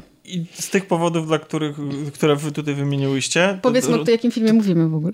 Mów, mów, tak, ale to jeszcze No chciałem myślę, o że, że jeśli Aronowski, to już, to już wiem, wiadomo. Tak, tak. będziemy mówić o filmie Mother. Mother! Bo jest tam wykrzyknik, ale, e, ale zanim o nim powiemy, też tylko powiem parę słów, że dla mnie Aronowski był na przykład, pokazał klasę w swoim pierwszym filmie, czyli Pi. Pi, I tym mnie tak bardzo kupił, że później jak oglądałem, bo to widziałem ten film wcześniej, przed y, Requiem dla snu, jak oglądałem Requiem dla snu, to wydało mi się to w pewnym sensie wtórne. I tak jak wy tutaj wymieniłyście, on po prostu doskonale trafił swój czas i w nasze pokolenie. I bardzo dużo y, osób z no, mojego pokolenia, z naszego pokolenia właśnie ten film doceniło. Mi on się nie podobał, może, nie tyle, że mi się nie podobał, może się źle, że, źle określiłem, ale no nie zrobił na mnie aż takiego wrażenia jak, niektórzy, jak na niektórych. Znaczy ja sukcesywnie jednak obniżałam jego ocenę przez lata na Filmwebie. Pamiętam, że na początku 10 na 10, jak byłam w liceum, to po prostu wyszłam z kina i czułam jakby ktoś mi dał wpysk. Po No prostu, właśnie, bo to był e, idealny właśnie film do A oglądania. po tym, jak obejrzałam go za drugim razem, muzyka była cudowna, pamiętam, kupiłam soundtrack, Ale później słuchałam YouTube, jej. tak. YouTube ją zepsuł, bo E, dodawała nad absolutnie... I o, kiedy, ona była obejrzałam- wszędzie, na kiedy wróciłam do tego filmu, dostrzegłam jego wady, ale nadal cenię go właśnie za, za te zabiegi, które formalne, które on, Tak. które idealnie się po prostu, ja uwielbiam, jeśli forma nie jest sama dla siebie, e, w sensie nie jest sztuką dla sztuki. Tam wszystko było zbudowane dla czegoś e, i, i po prostu uwielbiam ten film właśnie z tego powodu. Potem przyszedł okres taki sobie, bo zarówno istota, jak i źródło to nie były moim zdaniem... Niektórzy bardzo lubią Mocno źródło. przegadany. Nie? Ania, Ania Nowak z naszej ekipy Mhm. bardzo źródło lubi. Dla mnie jest. Ja nie lubię takich filmów, które chcą być większe niż są naprawdę i, i chcą być takie bardzo filozoficzne, metaforyczne i, i ten film zupełnie mnie nie trafił. Pretensjonalny niestety. A potem przyszło odrodzenie Aronowskiego. Zapaśnik? z- Powrócił zapaśnikiem, a później dobił jeszcze e, nas czarnym obędziem, w sensie pozytywnym. Ale Zapaśnik jak na niego, nie, nie wydaje wam się, że inny film niż jego wszystkie pozostałe, taki bardzo prosty, znaczy prosty... No wiesz, on właśnie jest bardzo zniuansowany, tylko w formie był bardzo No prosty, właśnie bardzo realistyczny. w formie, tak? o to mi chodzi, tak. On był bardzo realistyczny w formie i to jest chyba wydaje mi się, że no to- to może pi takie trochę jest, chociaż pi uciekało też to w tą sferę fantazji i, i różnych, różnych tego typu dziwnych zabiegów Dziwnych formalnych, wizji. tak? Natomiast, y, natomiast y, no, zapaśnik kupił mnie totalnie, absolutnie wszystkim. Powracającym mi chirurgiem, zdjęciami, ujęciami y, jak z gry wideo, ujęciami, czy nawiązaniem w ogóle do gier wideo, ale tam po prostu cała ta historia artysty, człowieka, który jest tak, bo dla mnie wrestling, ja to traktuję jako formę sztuki, no czy sztuki, no rozrywki, tak, no występów, jakiegoś, jakiegoś performance'u i tak dalej, więc to jest forma człowieka, który odstawia jakieś przedstawienie i tak bardzo jest, żyje tą swoją pracą, tym swoim, tym swoimi występami, byciem popularnym i tak dalej, że to go spala do samego końca, że to staje się dla niego ważniejsze od wszystkiego innego i że nie jest sobą, jeżeli e, tego nie będzie robił, że on jest w stanie poświęcić absolutnie wszystko tylko po to, żeby ponownie się znaleźć w Blasku Jupiterów, ponownie, odeg- ponownie odegrać swoją rolę. I Czarny Łabędź dla mnie był bardzo podobnym filmem. To też był film o, o takim, o, o, wręcz e, sw- przez swoją własną pasję. No oczywiście oprócz innych motywów, tak, to, to jednak te, te, ta bohaterka, jakby dla niej nie, wyrażanie się przez sztukę było czymś takim absolutnym, ostatecznym. Tak, i doprowadziło do jakby takiego zatracenia się. Dokładnie. I Ale sporo osób krytykuje Czarnego Łabędzia. No bo to nie jest film idealny, bo miejsc, miejscami bywa też pretensjonalny, dosyć dosłowny i taki przekombinowany. A w którym momencie uważasz, że jest przekombinowany? Wiesz co, no wydaje mi się, że, że, że on jest dosyć łatwy do, do interpretacji i niepotrzebnie wtedy może autor zbyt długo trzyma się tej formy. Znaczy może inaczej, zbyt łatwo on się nam daje do roz, rozszyfrow- rozszyfrować i później chyba nie mamy za bardzo fanów po prostu z tego filmu. A Malwina, jak Znaczy- to podobało ci się te filmy, o których Tomek powiedział? No, mi się Czarny Łabędź Który lubisz? bardzo podobał. Znaczy ja też go bardzo lubię, żeby I było, no. em, no może nie był jakiś taki mm, faktycznie y, bardzo trudny do rozwikłania, ale mi to jakby nie przeszkadzało i jakby jakby on próbuje y, trochę moim zdaniem y, pożenić film, filmy takie bardziej... em, Realistyczne? nie, nie realistyczne. Znaczy realistyczne też z fantastycznymi, ale bardziej chodzi mi o to, że takie mm, e, kino niszowe trochę z kinem komercyjnym. Niby Czarny Łabędź był filmem e, komercyjnym, tak? No, Jakby dużo Mila osób go Kunis, widziało. y, Tak, wy, występowały gwiazdy, ale no, był taki ni- niezbyt przyjemny. Mm, No nie wiem, mi się bardzo Znaczy, podobał. wydaje mi się, że Aronowski to robi nie tylko w tym filmie. On Nie, w ale ogóle, ogólnie, On w tak, ogóle tak. tak, stoi po środku, Tak. i, i, ale to to, jest- jest dobrze. i Znaczy, to jest właśnie bardzo fajne, bo przez to wydaje mi się, że tacy ludzie, którzy y, lubią kino rozrywkowe albo właśnie bardziej takie komercyjne filmy znają, trochę zapoznają się z tak, jakby z innym gatunkiem też. No, I moim zdaniem to jest fajne, no, ale... Skuszone tą wizją komercyjnego kina zapewne wytwórnia postanowiła zrealizować e, kolejny projekt Aronowskiego. Mother! I obsadzić w nim bardzo... Wiele gwiazd. Tak, Bo wiele kogo gwiazd. my tam mamy na ekranie? Przede wszystkim w głównej roli występuje Jennifer Lawrence. Później mamy ha Javiera Javiera Bardema. Bardem, a zaraz się pojawia na ekranie obok nich Ed Harris, powracająca w pięknym stylu Michelle Pfeiffer. Michelle Pfeiffer. Mamy Kristen Wiig, Glisona, który teraz ma taką dobrą passę i wszędzie gra Tak. prawie. Jeszcze- Od Star Warsów, Star Warsów, nie Star Treków, tym razem już się nie pomylę. E, To jest referencja do żartu, po- którego nasi słuchacze nie będą mogli usłyszeć, ponieważ niestety ze względów technicznych musiał zostać wycięty z odcinka 44. Ojej. No, niestety. Śmieszne. Kojarzycie tego rudego pana w Ex Machinie, Black Tak. Mirror, on po prostu teraz gra wszędzie. Więc po prostu Tak. same sławy i aktorzy, którzy po prostu teraz są na fali. Wrzucamy ich wszystkich do jednego filmu. Filmu, który był reklamowany i promowany pod czujnym okiem Aronowskiego. On, w, on zażądał właśnie swojej kontroli nad tym, w jaki sposób ten film ma być promowany, jakie materiały mają być udostępniane, to i, i w jaki sposób i, i co ma być zdradzane w trailerach. I zapowiadał się film, który był bardzo niepokojący. Thrillerem można by go było z tych tra- trailerów nazwać. e, Filmem, w który, którym będą się działy na pewno dziwne rzeczy. Potem przyszedł fes- festiwal w Wenecji i absolutnie skrajne e, opinie i reakcje e, krytyków i widzów.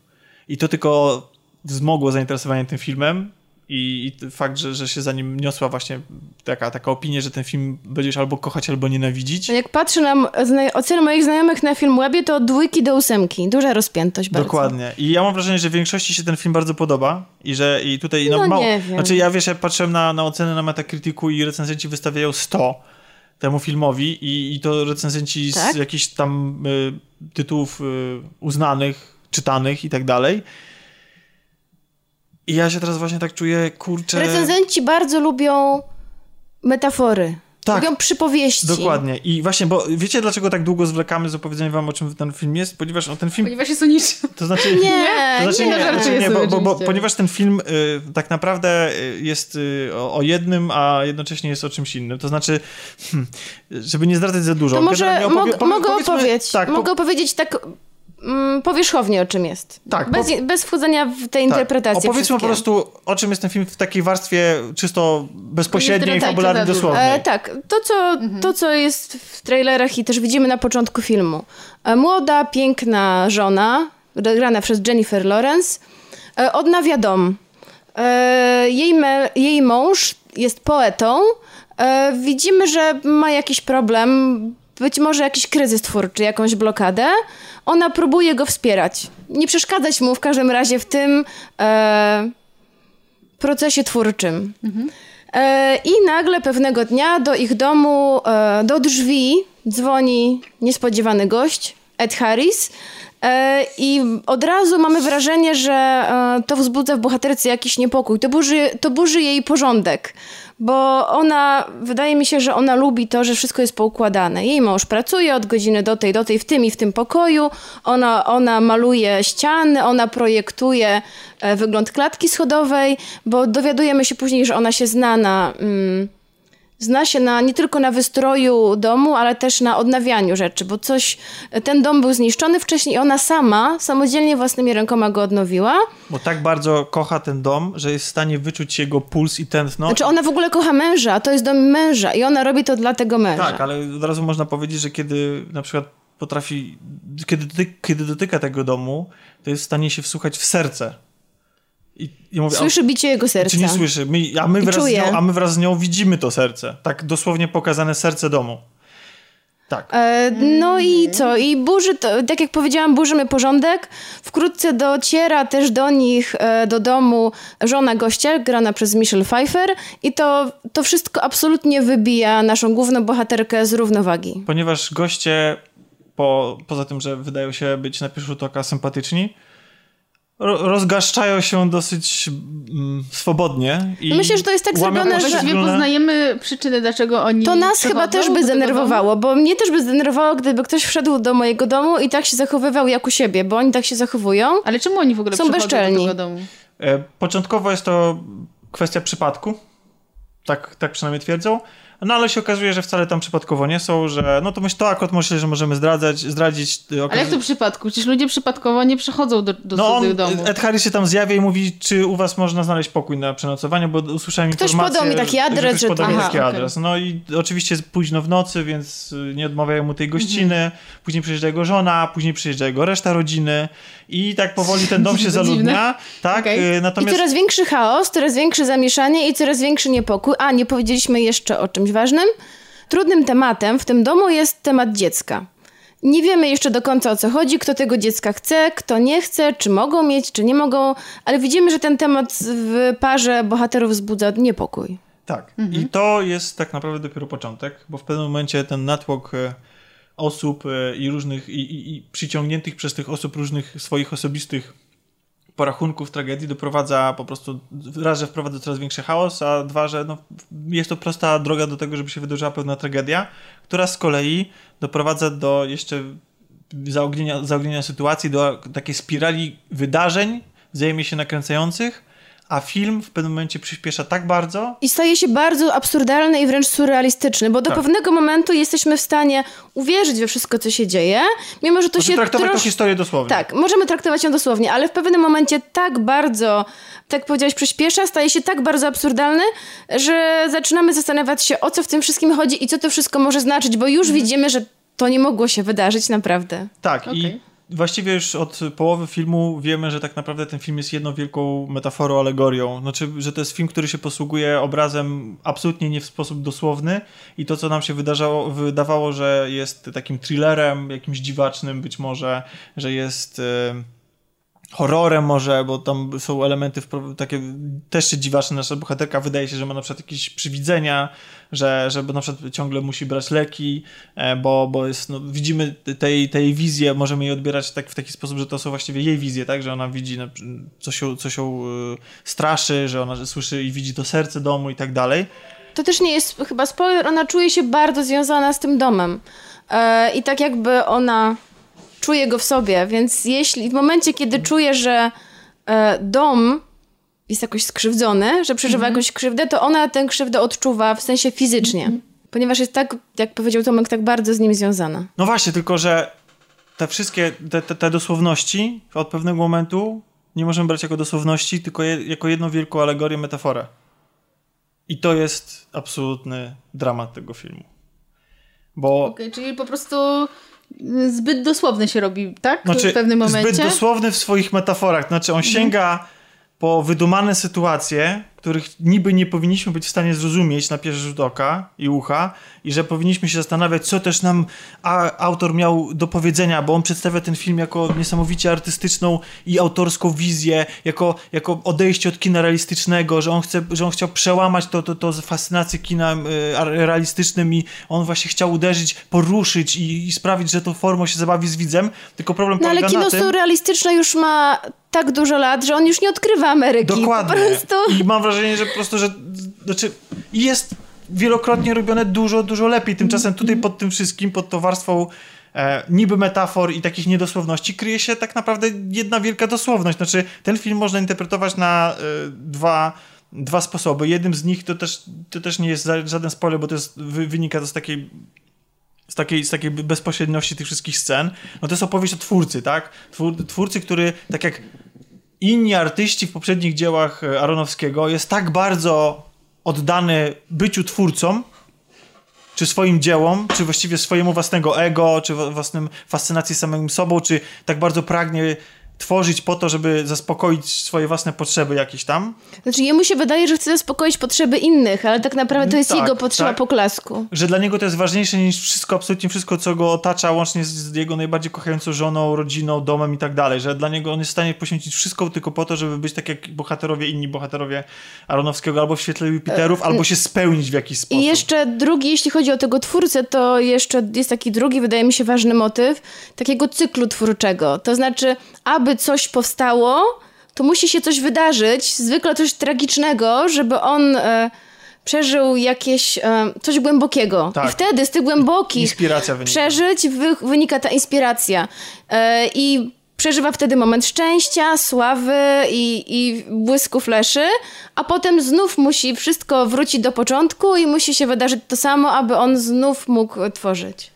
I zakładając tą interpretację, to jeszcze byłoby nieźle. Znaczy, nie właśnie, nie, czy nie. Dla mnie, znaczy po pierwsze, jakby w momencie, w którym sobie zdaję sprawę, że to jest, że, to, że ten film nie należy go odbierać dosłownie, że to nie jest żaden horror, e, thriller i tak dalej, tylko to ma być wszystko, wiecie, wiecie, to coś znaczy, to ja po prostu, ja, ja nie mogłem na ten film patrzeć. Znaczy po prostu dla mnie w tym momencie jakby wszystko to, co się działo na ekranie było tak dosłowne, tak oczywiste, tak, tak pozbawione jakiejkolwiek zabawy intelektualnej, że mi to absolutnie przykryło całą przyjemność z oglądania tego filmu. Wiesz, Tomek, ale mi się wydawało, że właśnie do tego momentu jeszcze było w porządku. No nie, A dlatego, w że on momencie... opowiadał o tym, bo dlatego, że jeżeli biorąc to jako, to, ten film jako opowieść od twórcy, to to jest opowieść, którą po pierwsze już opowiadał kilka razy, po drugie nie mówi absolutnie nic nowego, bo w, w, w biografii chyba każdego jednego twórcy można coś, takie elementy znaleźć i nie trzeba było sięgać po jakieś wydumane rzeczy, bo wie- wiecie, tam na ekranie mamy w, w przeciągu jednego ruchu kamery potrafi nam się zmienić na przykład sytuacja o kilkaset osób na przykład, albo na przykład mamy sytuację, w której wprowadza do, do, do tego do, w domu się pojawia taki chaos, że mamy niemalże przeżywamy wojnę.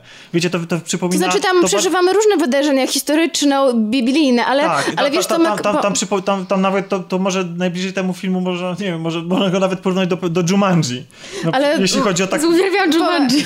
Da, ale chciałam coś powiedzieć, go bo zobaczyć. właśnie o to chodzi, że do momentu, kiedy wydawało mi się, że to jest opowieść o twórcy, to dla mnie jeszcze to było okej. Nie powiedziałam, że to było dobre, ale jeszcze to było dla mnie do A zniesienia. ja, a ja po prostu, ja, ale ja w momencie... o, poczekaj, zaraz do tego po, powiemy. No ale o bo tym- ty mówisz już o tych setkach osób, a to już jest ten drugi motyw. Ale to tak, ja wiem, ale zaraz. Tylko Ale- chciałem powiedzieć, że...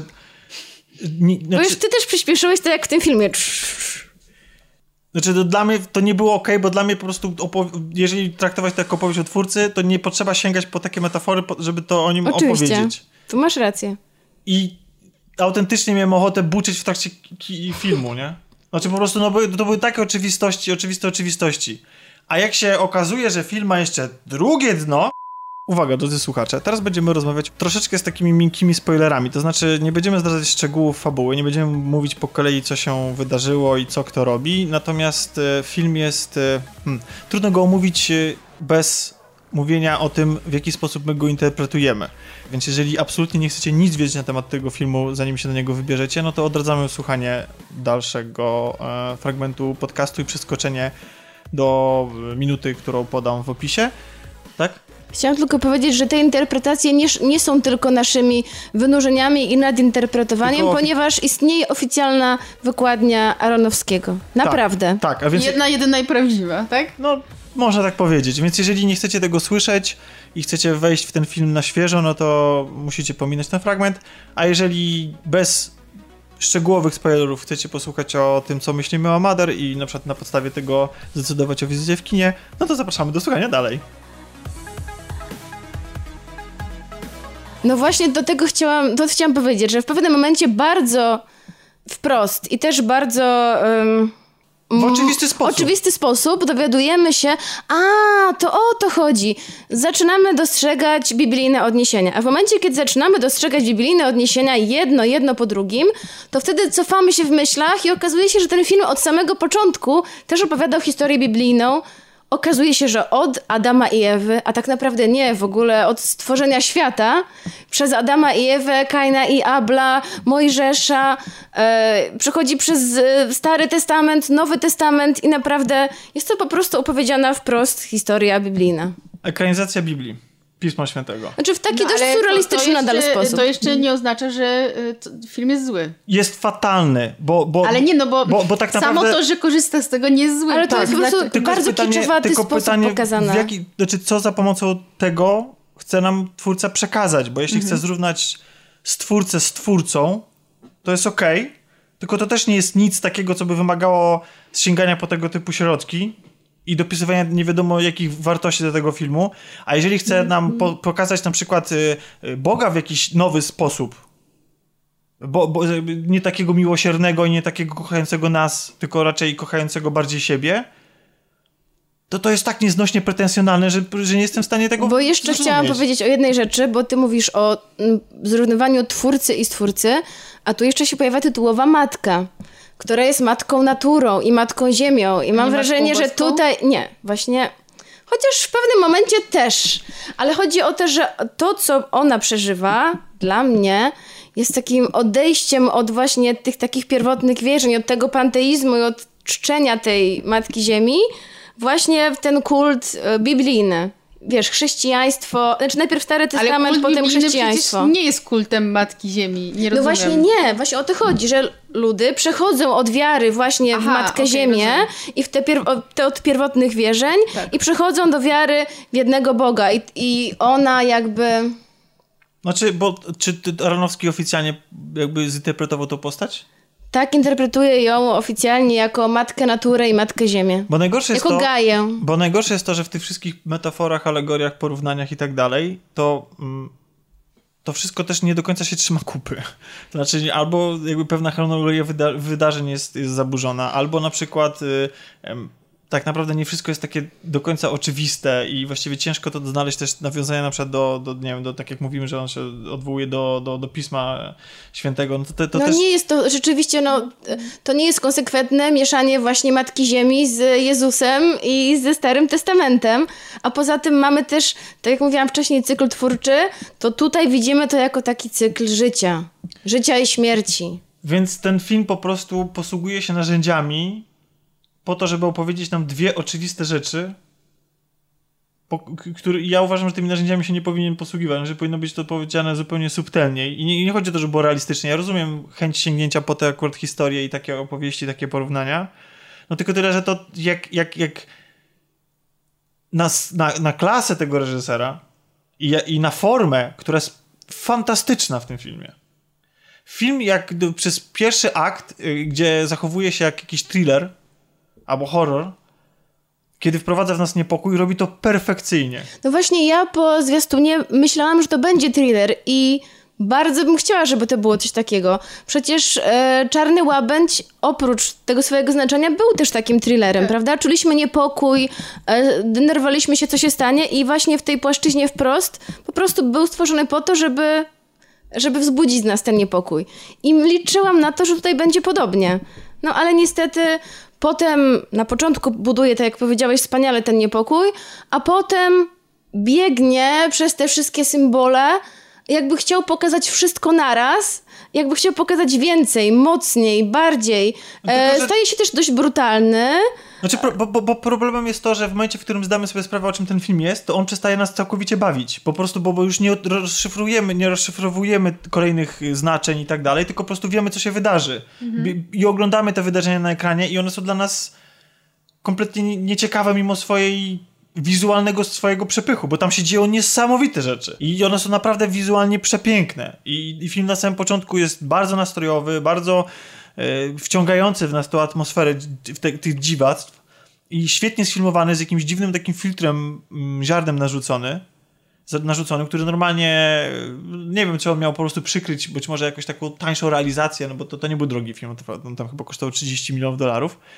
Mm, Natomiast no, to się wszystko ładnie wpisuje i mi się podobał ten film wizualnie i atmosfera była super. Muzyka i dźwięki. Ten ten, o, na nie poziomie no, dźwięk, dźwięku, muzyka jest świetna. na poziomie dźwięku to jest arcydzieło. Dwa filmy w tym roku mnie zaskoczyły pod tym względem. To jest właśnie Mother, Mother a, a drugim filmem to był Blade Runner 2049. To są filmy, które wykorzystują potencjał kina, jeśli chodzi o W dźwięk. zeszłym roku tak dobrze na dźwięk, e, udźwiękowiony Arrival. był na przykład Birdman. I Arrival. Dwa lata Bardzo temu, dobrze. Kasia. A dwa lata temu. Pamiętam też, że zjawa, bo zrobiła na mnie ogromne wrażenie pod tym względem. Ja po prostu się rozglądam po sali kinowej i Czyli czułam, że, te, też- że ten świat te- mnie docenia, otacza. Tak, a tutaj rzeczywiście, rzeczywiście to było. Czuło się, jak ten dom trzeszczy na przykład w- lub e, drży w posadach, albo to, jak powiedział Tomek o tym biciu serca, to po prostu się czuło gdzieś w środku, we własnych trzewiach. Okej. I Czyli to- po, czy, I ta fantastyczna forma jest zmarnowana na oczywistości. Bo dla kogoś, dla kogo, kto się wybierze na ten film jako na rozrywkę i kto nie oczekuje od kina przekazywania mu nie wiadomo jakich treści i tak dalej, i inspiracji do przemyśleń, no to będzie film absolutnie niezrozumiały. Ja, jak wychodziłem z kina, to jeden, jeden z ludzi, jeden z widzów akurat przeprowadzał rozmowę telefoniczną i podsłuchałem, że mówi, no ja właśnie jestem e, w- tam w Cinema City na najgorszym filmie, jaki w życiu widziałem. Natomiast ja na, słyszałam takie y, opinie, że on jest obrzydliwy. y, bywa. No bo jest Bywa. brutalny Jest i jest mocny. I że przez tej nie, drugiej nie części. do zniesienia, nie wiem. Tak. Nie, on, on jest bardzo intensywny i wiesz, bo gdyby ten film był brutalny, intensywny, gdyby miał wszystkie te cechy, formy, które ma, ale opowiadał o czymś fajnym, opowiadał, nie był tak prosty do dekonstrukcji. To jest film, który jest tak dobry, że aż zły. Bo są filmy, które są tak złe, że aż dobre. Wiecie, te, te skrajnie kiczowate i Tak. durne, ale oglądamy je dla beki. A to jest film, który w formie jest tak dobry, że oczekuje się, żeby pod tą formą kryła się interesująca, ciekawa, inspirująca treść. A nie film, który po 20 minutach jesteś w stanie zdekodować i wiesz, co się wydarzy i czekasz tylko na, kolejną, na kolejny fragment i kolejną popisówę realizacyjną. Znaczy, ja mam wrażenie, że w ogóle ten reżyser lep- lepiej się sprawdza w takich bardzo, bardziej intymnych dramatach. I Właśnie, i taki bardziej przyziemny. Tak, i kiedy ma mniejszy budżet e, i bardziej się skupia na osobach, a nie na, mm, a nie na akcji, jakby i na. I, jakby bardziej na emocjach tych osób niż na samym Znaczy, e, niby scenariuszu. prze- i o przekazie. Tak. To niby tak jest i, i tak, i te, ten film jest perfekcyjnie e, rozegrany. No A tak, Michelle ale, Pfeiffer... on, ale on chce przekazać za dużo, po prostu, znaczy za dużo w sensie, nie, nie za dużo. Chodzi o to, że on e, próbuje właśnie być takim arcydziełem. No jest pretensjonalny. No ma A nie pretensje, jest nim. ma pretensje do bycia czymś najlepszym na świecie, a, a nie jest, no. Dobra, powiedz o Michelle Pfeiffer, bo, bo ci przerwałam. Nie, ja chciałem tylko powiedzieć, że Michelle Pfeiffer po prostu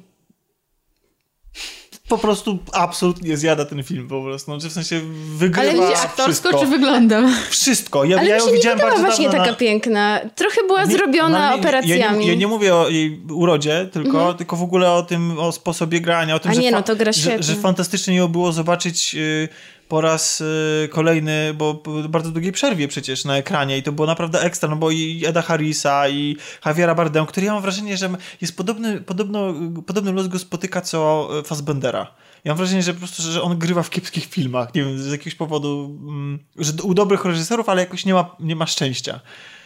E, I, i ma, mamy, tak wiem, Skyfall. To nie jest mój ulubiony Bond, okej? W każdym razie, e, w każdym razie, no więc mamy Javiera Bardem, oni to są twarze, z którymi obcujemy na co dzień, a Michelle Pfeiffer powraca i dlatego może jest tak dobra e, do tego filmu, bo powraca i też ma bardzo fajnie rozegrana, a z kolei na przykład Jennifer Lawrence, e, jej postać w pewnym momencie mamy jej dosyć, bo jest, e, no bo to jest postać, która jest bardzo bierna, to jest postać, która przez e, większość filmu, kiedy jeszcze ten film traktujemy dosłownie, jako, nie jako jedno, wielką alegorię, tylko jako zapis wydarzeń w domu prawdziwych, prawdziwego małżeństwa. Widać, że aż mnie w środku trzęsło, że ją to boli i ją to denerwuje, co się dzieje i nie, nie powie, wypadł mi z tego domu, co wy mi tu robicie, ja bym tak zrobiła. A ona po prostu się godzi na wszystko, no ale ona to robi z miłości, poświęca się dla swojego męża artysty. Więc jest jakieś wyjaśnienie tego, ale i tak nas trzęsie. Tak, trzęsie. Że, bo to nie jest tak, że ja nie lubię filmów, które mają jakieś, które są jakąś metaforą i też metaforą biblijną. Ale uważam, że były filmy, które robiły to znacznie, znacznie lepiej. Na przykład ja jestem ogromną fanką Buñuela. I na przykład taki film jak Piękność Dnia, Viridiana i Mroczny Przedmiot Pożądania to są filmy, które, o których można gadać godzinami, bo mają tak dużo znaczeń, właśnie każdą scenę można jakoś tam dekodować i mimo, że niektóre są bardzo wprost, na przykład jest scena, gdzie włóczędzy siedzą przy stole odgry odgrywając scenę z obrazu Ostatnia Wieczerza. Ale w każdym z tych filmów jest tyle znaczeń, e, że można jakby dyskutować nad tym, czy to znaczy to, czy to i jakby i nie ma jednej interpretacji, chociaż oczywiście są e, Są różne warstwy tej interpretacji. tak i po I są prostu wykładnie, ale tak czy siak te filmy cię inspirują i i ja tak o jak nich dużo myślałam, I a tak jak tutaj ja mówię, jak ktoś idzie na rozrywkę, no to będzie zawiedziony, bo ten film jest po prostu stekiem bzdur dla niego będzie, po prostu, bo to dosłownie tego filmu się nie da odebrać. a jak jeśli już ktoś szuka e, metafor ciekawych, to ja polecam wrócić do Buñuela, a nie oglądać Mother. No bo po prostu, nie no, Mother, znaczy nie, ten film trzeba zobaczyć, tak czy siak. No tak czy siak, no trzeba go Żeby zobaczyć, sobie żeby zdanie. sobie wyrobić zdanie, bo on jest tak kontrowersyjny. Natomiast no tak, no jeżeli ktoś oczekuje od kina czegoś głębszego i większego, no to idzie i dostaje metafory, które i alegorie, które są rzucane wprost.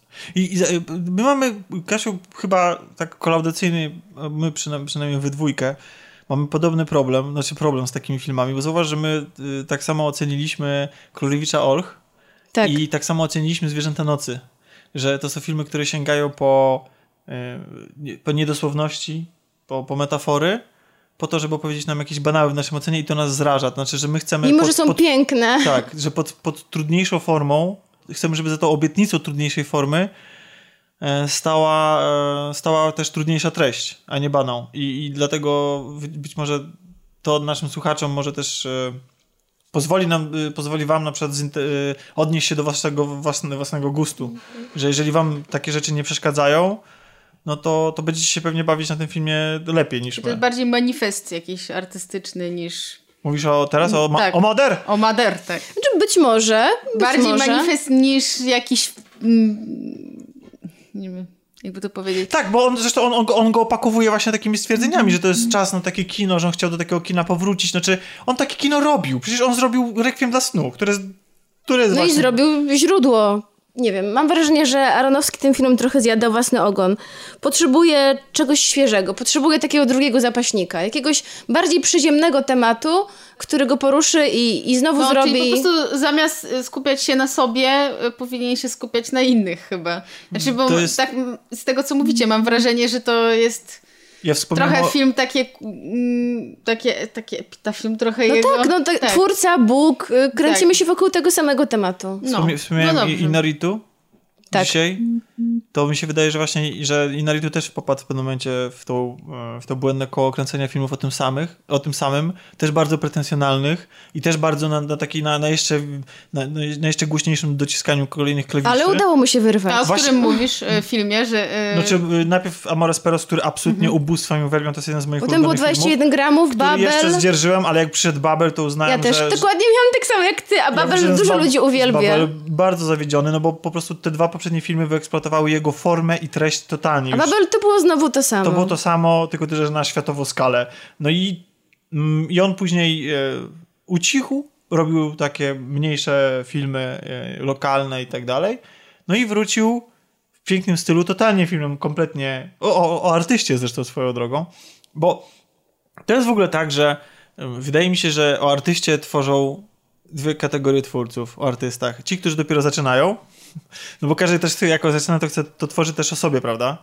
I, i, a każdy twórca, no jakby jest twórcą, więc tworzy o twórcach. Tworzy o tym, jak to jest być twórcą, jakie to cierpienia musi twórca mm, em, przeżyć. A z drugiej strony tworzą to twórcy u schyłku swojej kariery, prawda? Kiedy, kiedy Czy podsumowują... może nie i- usyłku, dojrzali, Tak. którzy dużo przeżyli, bo w Birdmanie dojrzały twórca tworzy o dojrzałej Tak. też postaci. I myśmy mieli na naszym prywatnym czacie... Tak, e, kiedyś taką rozmowę. Nawet nie kiedyś, tylko właśnie świeżo po, po Monder. E, ja nie widziałam tego tak, filmu, ale, ale- zupełnie niezależnie zadałaś to pytanie. Nie, nie, bo ja. Skąd wynikło to pytanie? Bo ja teraz czytam taką książkę, jak pisać e, scenariusze. Znaczy nie, że piszę scenariusz, w każdym razie chcę się trochę więcej dowiedzieć. E, Lew Hunter, autorstwa Lewa Huntera. I właśnie on, mm, i on właśnie poleca e, młodym e, scenarzystom, aby nie robić filmów o artystach. Dlatego, że jest to bardzo trudne i ludzi to w większości nie interesuje. I jest też ciężko zrobić filmy o artystach, o e, właśnie poetach, pisarzach, malarzach, bo oni em, Ciężko bardzo... się z nimi zidentyfikować. Tak, to raz, a dwa, że ciężko jest opowiedzieć ich historię, bo oni bardzo dużo emocji wy- przeżywają wewnątrz siebie, a potem tylko widzimy efekt, tak jakby obraz, e, prawda, wiersz. I tak naprawdę dla przeciętnego odbiorcy to jest mało ciekawe. Bo, on, y, mm, bo ten proces twórczy jest cały czas przeżywany wewnątrz jakby tej, tego bohatera. Aczkolwiek są wybitne dzieła, które o tym opowiadają, jak chociażby 8,5. Jeden, który jest arcydziełem, e, arcydziełem kina, a on opowiada właśnie o twórcy, który nie może zrobić filmu. No ale z bardziej współczesnych, no, na przykład adaptacja, przecież też jest o problemach twórczych artysty. Dokładnie. I fenomenalny film, zresztą polecam, to jest Spike'a No tak, ale Jonesa Więc i... czasem się to udaje. Czasem się to udaje, ale jest to temat ciężki do ugryzienia, y, bo właśnie trudno jest to zrobić ciekawie i w taki sposób, żeby zainteresować większość odbiorców. Adaptacja to jest w ogóle film, który w ogóle jest całą jedną wielką metaforą.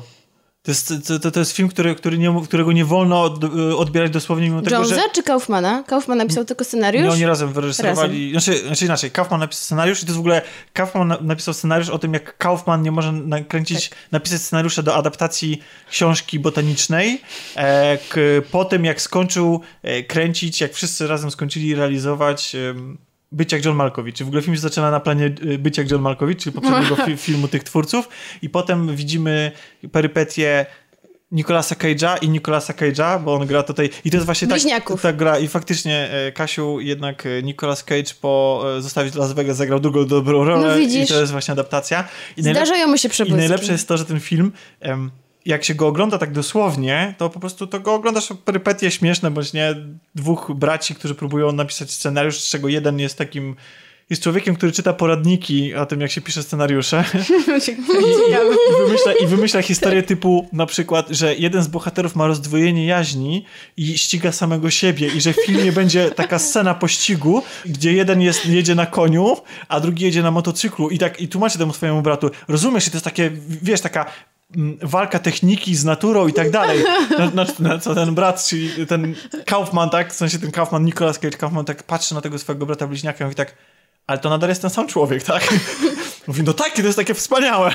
No i, i tak, i więc i oczywiście te scenariusze zdobywają poklask, on je sprzedaje za grube miliony, natomiast no Kaufman, znaczy w sensie ten, ten nasz poważniejszy brat, który ma zadoptować e, tą książkę botaniczną, oczywiście się zmaga ze swoim procesem twórczym, a film, jak się przyjrzycie jemu, jak będziecie go kiedyś oglądać i obejrzycie go na przykład raz, a później ewentualnie drugi raz, to się przyjrzyjcie w, w którym momencie, jak się ten film zmienia. To znaczy, to jest y, właściwie film o, film o filmie w filmie. To znaczy, że tak naprawdę my oglądamy właśnie ten film, o którym, na którym Ale oni teraz pracują. Charlie Kaufman jest specjalistą od takich rzeczy. Mm, podobnie było być jak John Malkovich. To znaczy, nie był film o filmie, ale jakby e, też były takie, to wszystko było takie meta.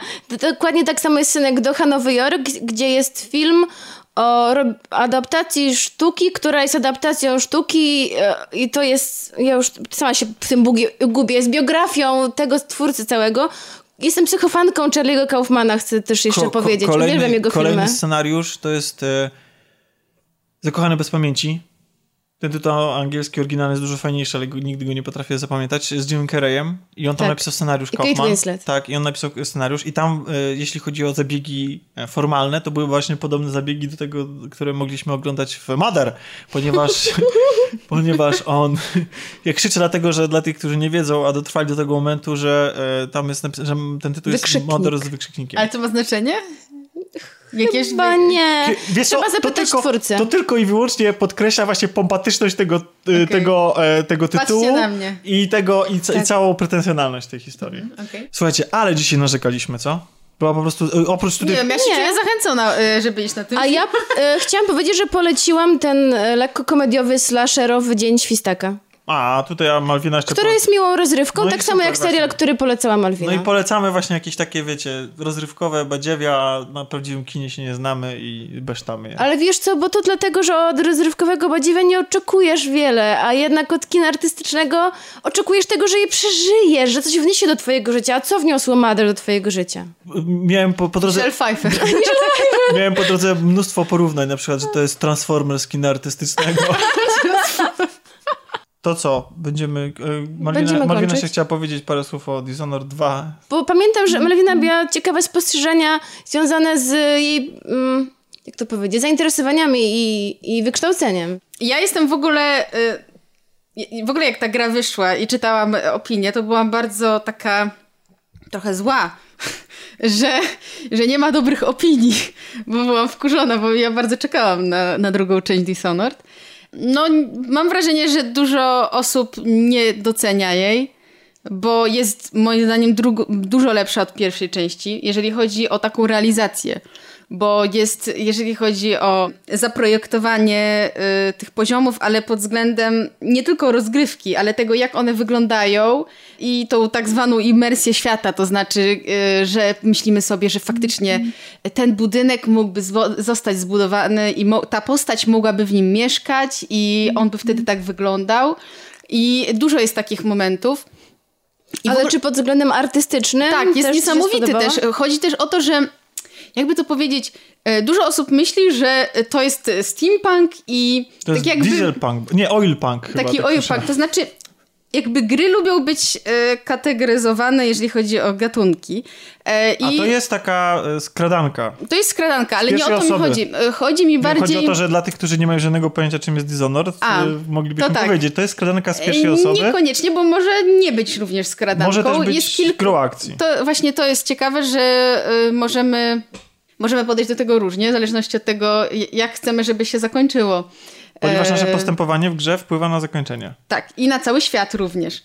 Bo jeszcze powiedzmy tylko w skrócie, jest to historia rodziny królewskiej, która boryka się z e, wielkimi spiskami, e, morderstwami swoich członków, e, utratą honoru i odzyskiwaniem tego honoru i walką z buntownikami o zachowanie władzy. Ale oczywiście ta nasza rodzina królewska jest prawa i dobra, natomiast wszyscy, którzy czyhają na koronę i tron są ludźmi, którzy chcą są despotycznymi ludźmi, którzy nie, chcą władać Nie, nie, nie, bardzo światem. upraszczasz, dlatego że No ale drugi... ja też, oczywiście, że upraszczam, bo nie chcę psuć ludziom Aha, przyjemności, okay. raczej opisuję zasady ogólne świata. Tak, bo... tak. W każdym razie e, chodziło mi o, o, o świat. E, to znaczy, że to nie jest mm, tak jakby zamknięta artystycznie całość w jakichś takich, nie wiem jak to powiedzieć, ale jakby takich sztywnych szponach. To znaczy Czujesz, ja, że ten świat jest prawdziwy? E, tak, czuję. Znaczy pierwsza część trochę się wydawała pusta i czasem miałam wrażenie, że to jest scenografia. No bo tam była plaga, wszyscy albo umierali, albo siedzieli Nie, nie, o, chodzi mi bardziej o to, jak, jak on wyglądał. Autory, autorytarnego rządu. A druga część jest taka, że te budynki,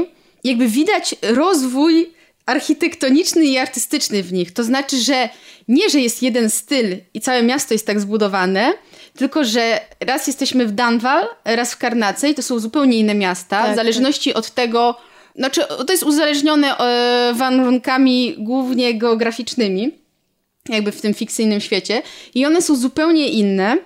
E, I oprócz tego, jakby w ramach tych miast też budynki mają inne style architektoniczne, to znaczy widać, że jakby to miasto się rozwijało. Tak jak chodzimy po Warszawie i widzimy kamienice, wieżowce, to tak jakby tam też widać, że bogatsze społeczeństwo ma trochę inne budynki niż biedniejsze i widać ten rozwój architektoniczno-artystyczny. I to jest fajne, to znaczy to widać, że to nie jest sztywno zaprojektowane przez projektanta, tylko jakby oni myśleli o tym, że to miasto żyje i się rozwija. Właśnie to chciałam powiedzieć, że miasto o wiele bardziej żyje w Dishonored 2 i nie tylko ze względu na to, jak wygląda, ale też zamieszkujący go ludzie. Nie wydaje się to wszystko tłem. To znaczy tak, wchodzisz... w pierwszym było właśnie bardziej jak scenografia, a w drugim bardziej jak Wchodzisz w to wszystko bardziej jak w grze RPG. To znaczy, mimo że jest to skradanka i ważne jest to, żeby po, podążać do tych kolejnych lokacji, jednak ja miałam takie momenty, że chciałam się zatrzymać, pochodzić, porozmawiać z jakimiś zupełnie nieznaczącymi ludźmi. Albo I to rzadko się...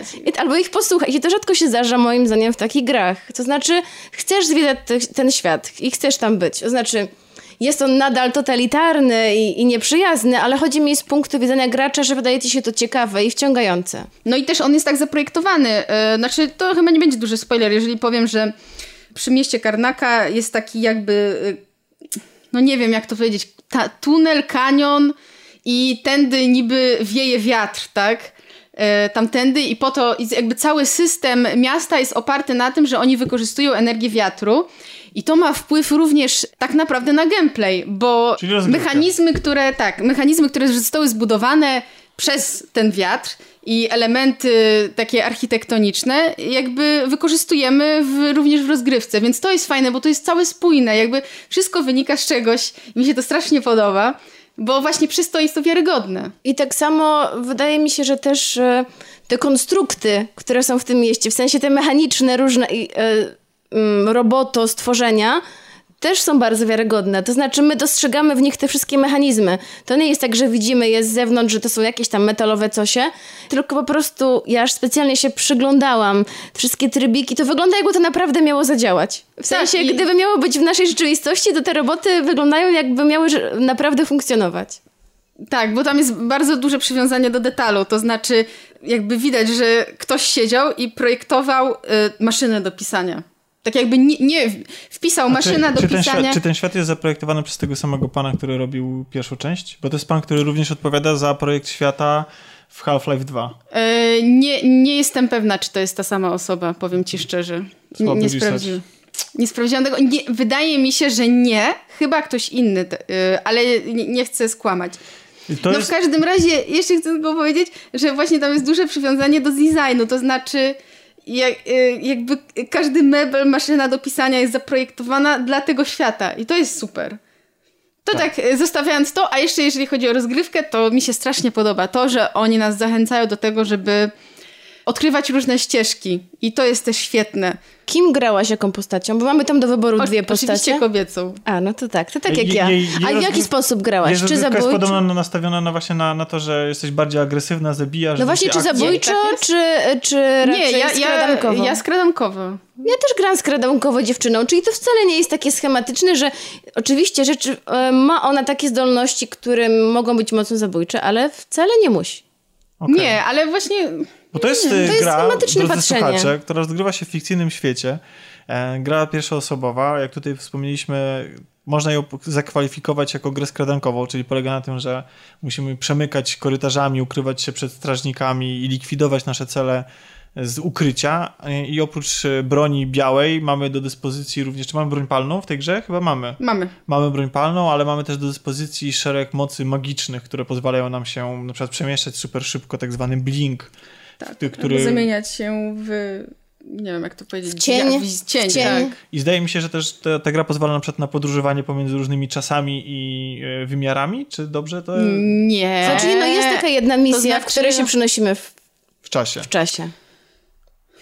Jakby to jest bardziej e, zawarte w fabule, a nie w gameplayu. Tak. To znaczy, to jest taki motyw trochę, jaki pojawia się w grach e, przygodowych. Jest w jednej misji taki motyw, że aby rozwiązać zagadki, gdzieś się A to dostać, o co ty mówisz? e, Okej. musimy się cofnąć w czasie i spowodować efekty w czasie teraźniejszym. Bo ja miałam wrażenie, że ty, ty mówisz o tym wymiarze. W każdym razie tak, I to jest tylko w jednej to misji jest- i to jest taki przygodówkowy motyw bardziej. ale on jest świetnie zrobiony. Po prostu e, właśnie wracając jeszcze do... To jest e, misja e, w domu Stiltona. Tak. I właśnie nie wiem, czy to będzie spoiler. W sumie nie. W każdym razie dostajemy urządzenie do ręki, które nam pomaga w jednoczesnym widzeniu teraźniejszości i przeszłości. To ma wpływ oczywiście na gameplay, bo niektóre rzeczy możemy zrobić teraz, których nie możemy zro- mogliśmy kiedyś zrobić. No to E, wszystko jest taką jedną wielką zagadką logiczną, e, cała y, ta misja. Tak, i o Jezu, jakie to było dobre. To było cudowne. Ja, znaczy, y, po prostu trzeba zagrać w tą grę dla tej misji. Ja, ja tak uważam. I Tomek jeszcze nie zagrał, więc mam nadzieję, że trochę Ja nie się czujesz zachęcony. nie skończyłem pierwszej części i teraz pytanie, czy jak nie grałem w pierwszą część, to czy mam z czego szukać tutaj fabularnie? Znaczy, w- umówmy się, że w Dishonored y, fabuła nigdy nie była mocną stroną i w drugiej części mam wrażenie, że również nie jest. E, To aczkolwiek... znaczy, że jest zła, czy że jest Zgadzam prosta? się, zgadzam się z prosta, Malwiną. dla mnie zbyt prosta. Ja oczekuję jednak czegoś więcej. W te, ale w tej grze ja się skupiłam zupełnie też na czymś innym. Bardzo mi się właśnie podobało strona audiowizualna, podobało, podobała mi się mechanika, podobał mi się gameplay i szczerze mówiąc do fabuły też nie przywiązywałam dużego znaczenia. Znaczy ja przywiązywałam, ja oczekuję bardzo wiele od tej Zwłaszcza gry. jeśli gra- jeśli- Byłam zawiedziona oczywiście. Jeśli, jeśli gra oferuje różnorakie zakończenia, które, na które wpływa nasze zachowanie podczas rozgrywki, to czy kogoś zabijemy, czy nie, no to... to w tej, to, grze ma, w tej grze, w tej części ma to, wydaje mi się, jeszcze większe znaczenie niż w poprzedniej. Znaczy, ja powiem tak, moim zdaniem jest to trochę przerost formy, dlatego że nie ma sensu robić aż tylu zakończeń. Na YouTubie możecie sobie wpisać, jest mnóstwo zakończeń tej gry, bardzo różnych i mnie to nie interesuje, bo mnie interesuje efekt po skończeniu gry. Ja go nie kończę na 10 sposobów, tylko kończę go na jeden, ten, który wybrałam. A, I to oceniam jesteś- to... I właśnie przez takich graczy jak ty umiera branża growa. Singleplayerowa, ponieważ, ponieważ nie jesteś graczem powracającym. Ojej, nie mam czasu. W każdym razie, e, o Ale co ja mi dokładnie chodzi? tak samo I dlatego nie nie, wracam. czułam się zachwycona tą fabułą i nie czułam się zachwycona całym ciężarem tej historii. I co z tego, że zrobiono 10 różnych wersji, jak ja bym wolała dwie bardziej Czy nawet dopracowane. jedną. Albo nawet jedną, tylko tak dopracowaną, żebym ja była pod wrażeniem. No w każdym razie to jest moim zdaniem najsłabsza, y, jakby najsłabszy element y, Dishonored.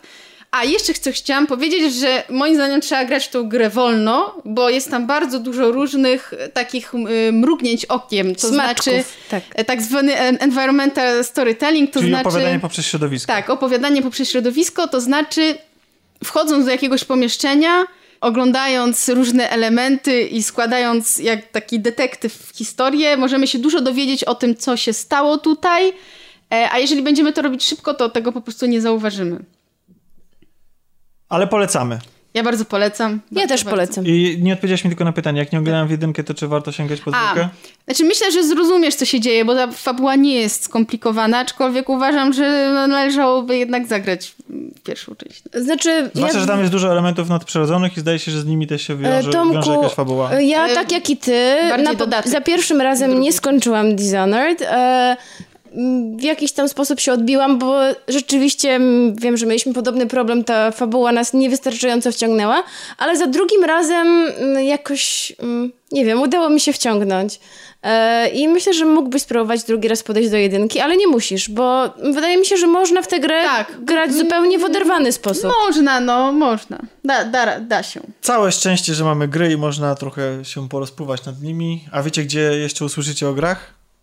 No Daj ci to przejdę. Dokładnie, w Dajcie to przejdę, w naszym drugim podcaście poświęconym grom, takim, w którym ma, mniej się skupiamy na recenzjach, dlatego recenzje raczej będą lądowały w kolaudacji, natomiast tam próbujemy na gry spojrzeć troszeczkę bardziej przekrojowo i szerzej i analizować je po, tak tematycznie. Więc jeżeli jeszcze się nie zaznajomiliście z naszym podcastem drugim, to serdecznie zapraszamy. A tymczasem będziemy kończyć. Jest bardzo późno.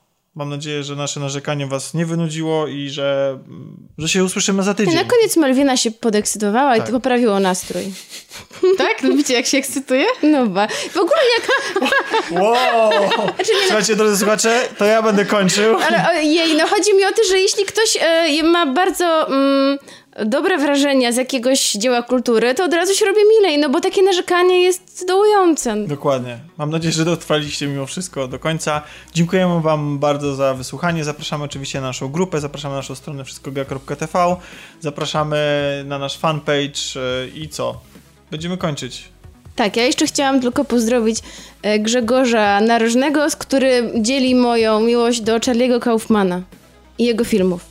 Pozdrawiam. To ja też pozdrawiam Grzegorza, który zresztą miał okazję u nas gościć. Mam nadzieję, że zagości u nas Ja również niedługo. pozdrawiam.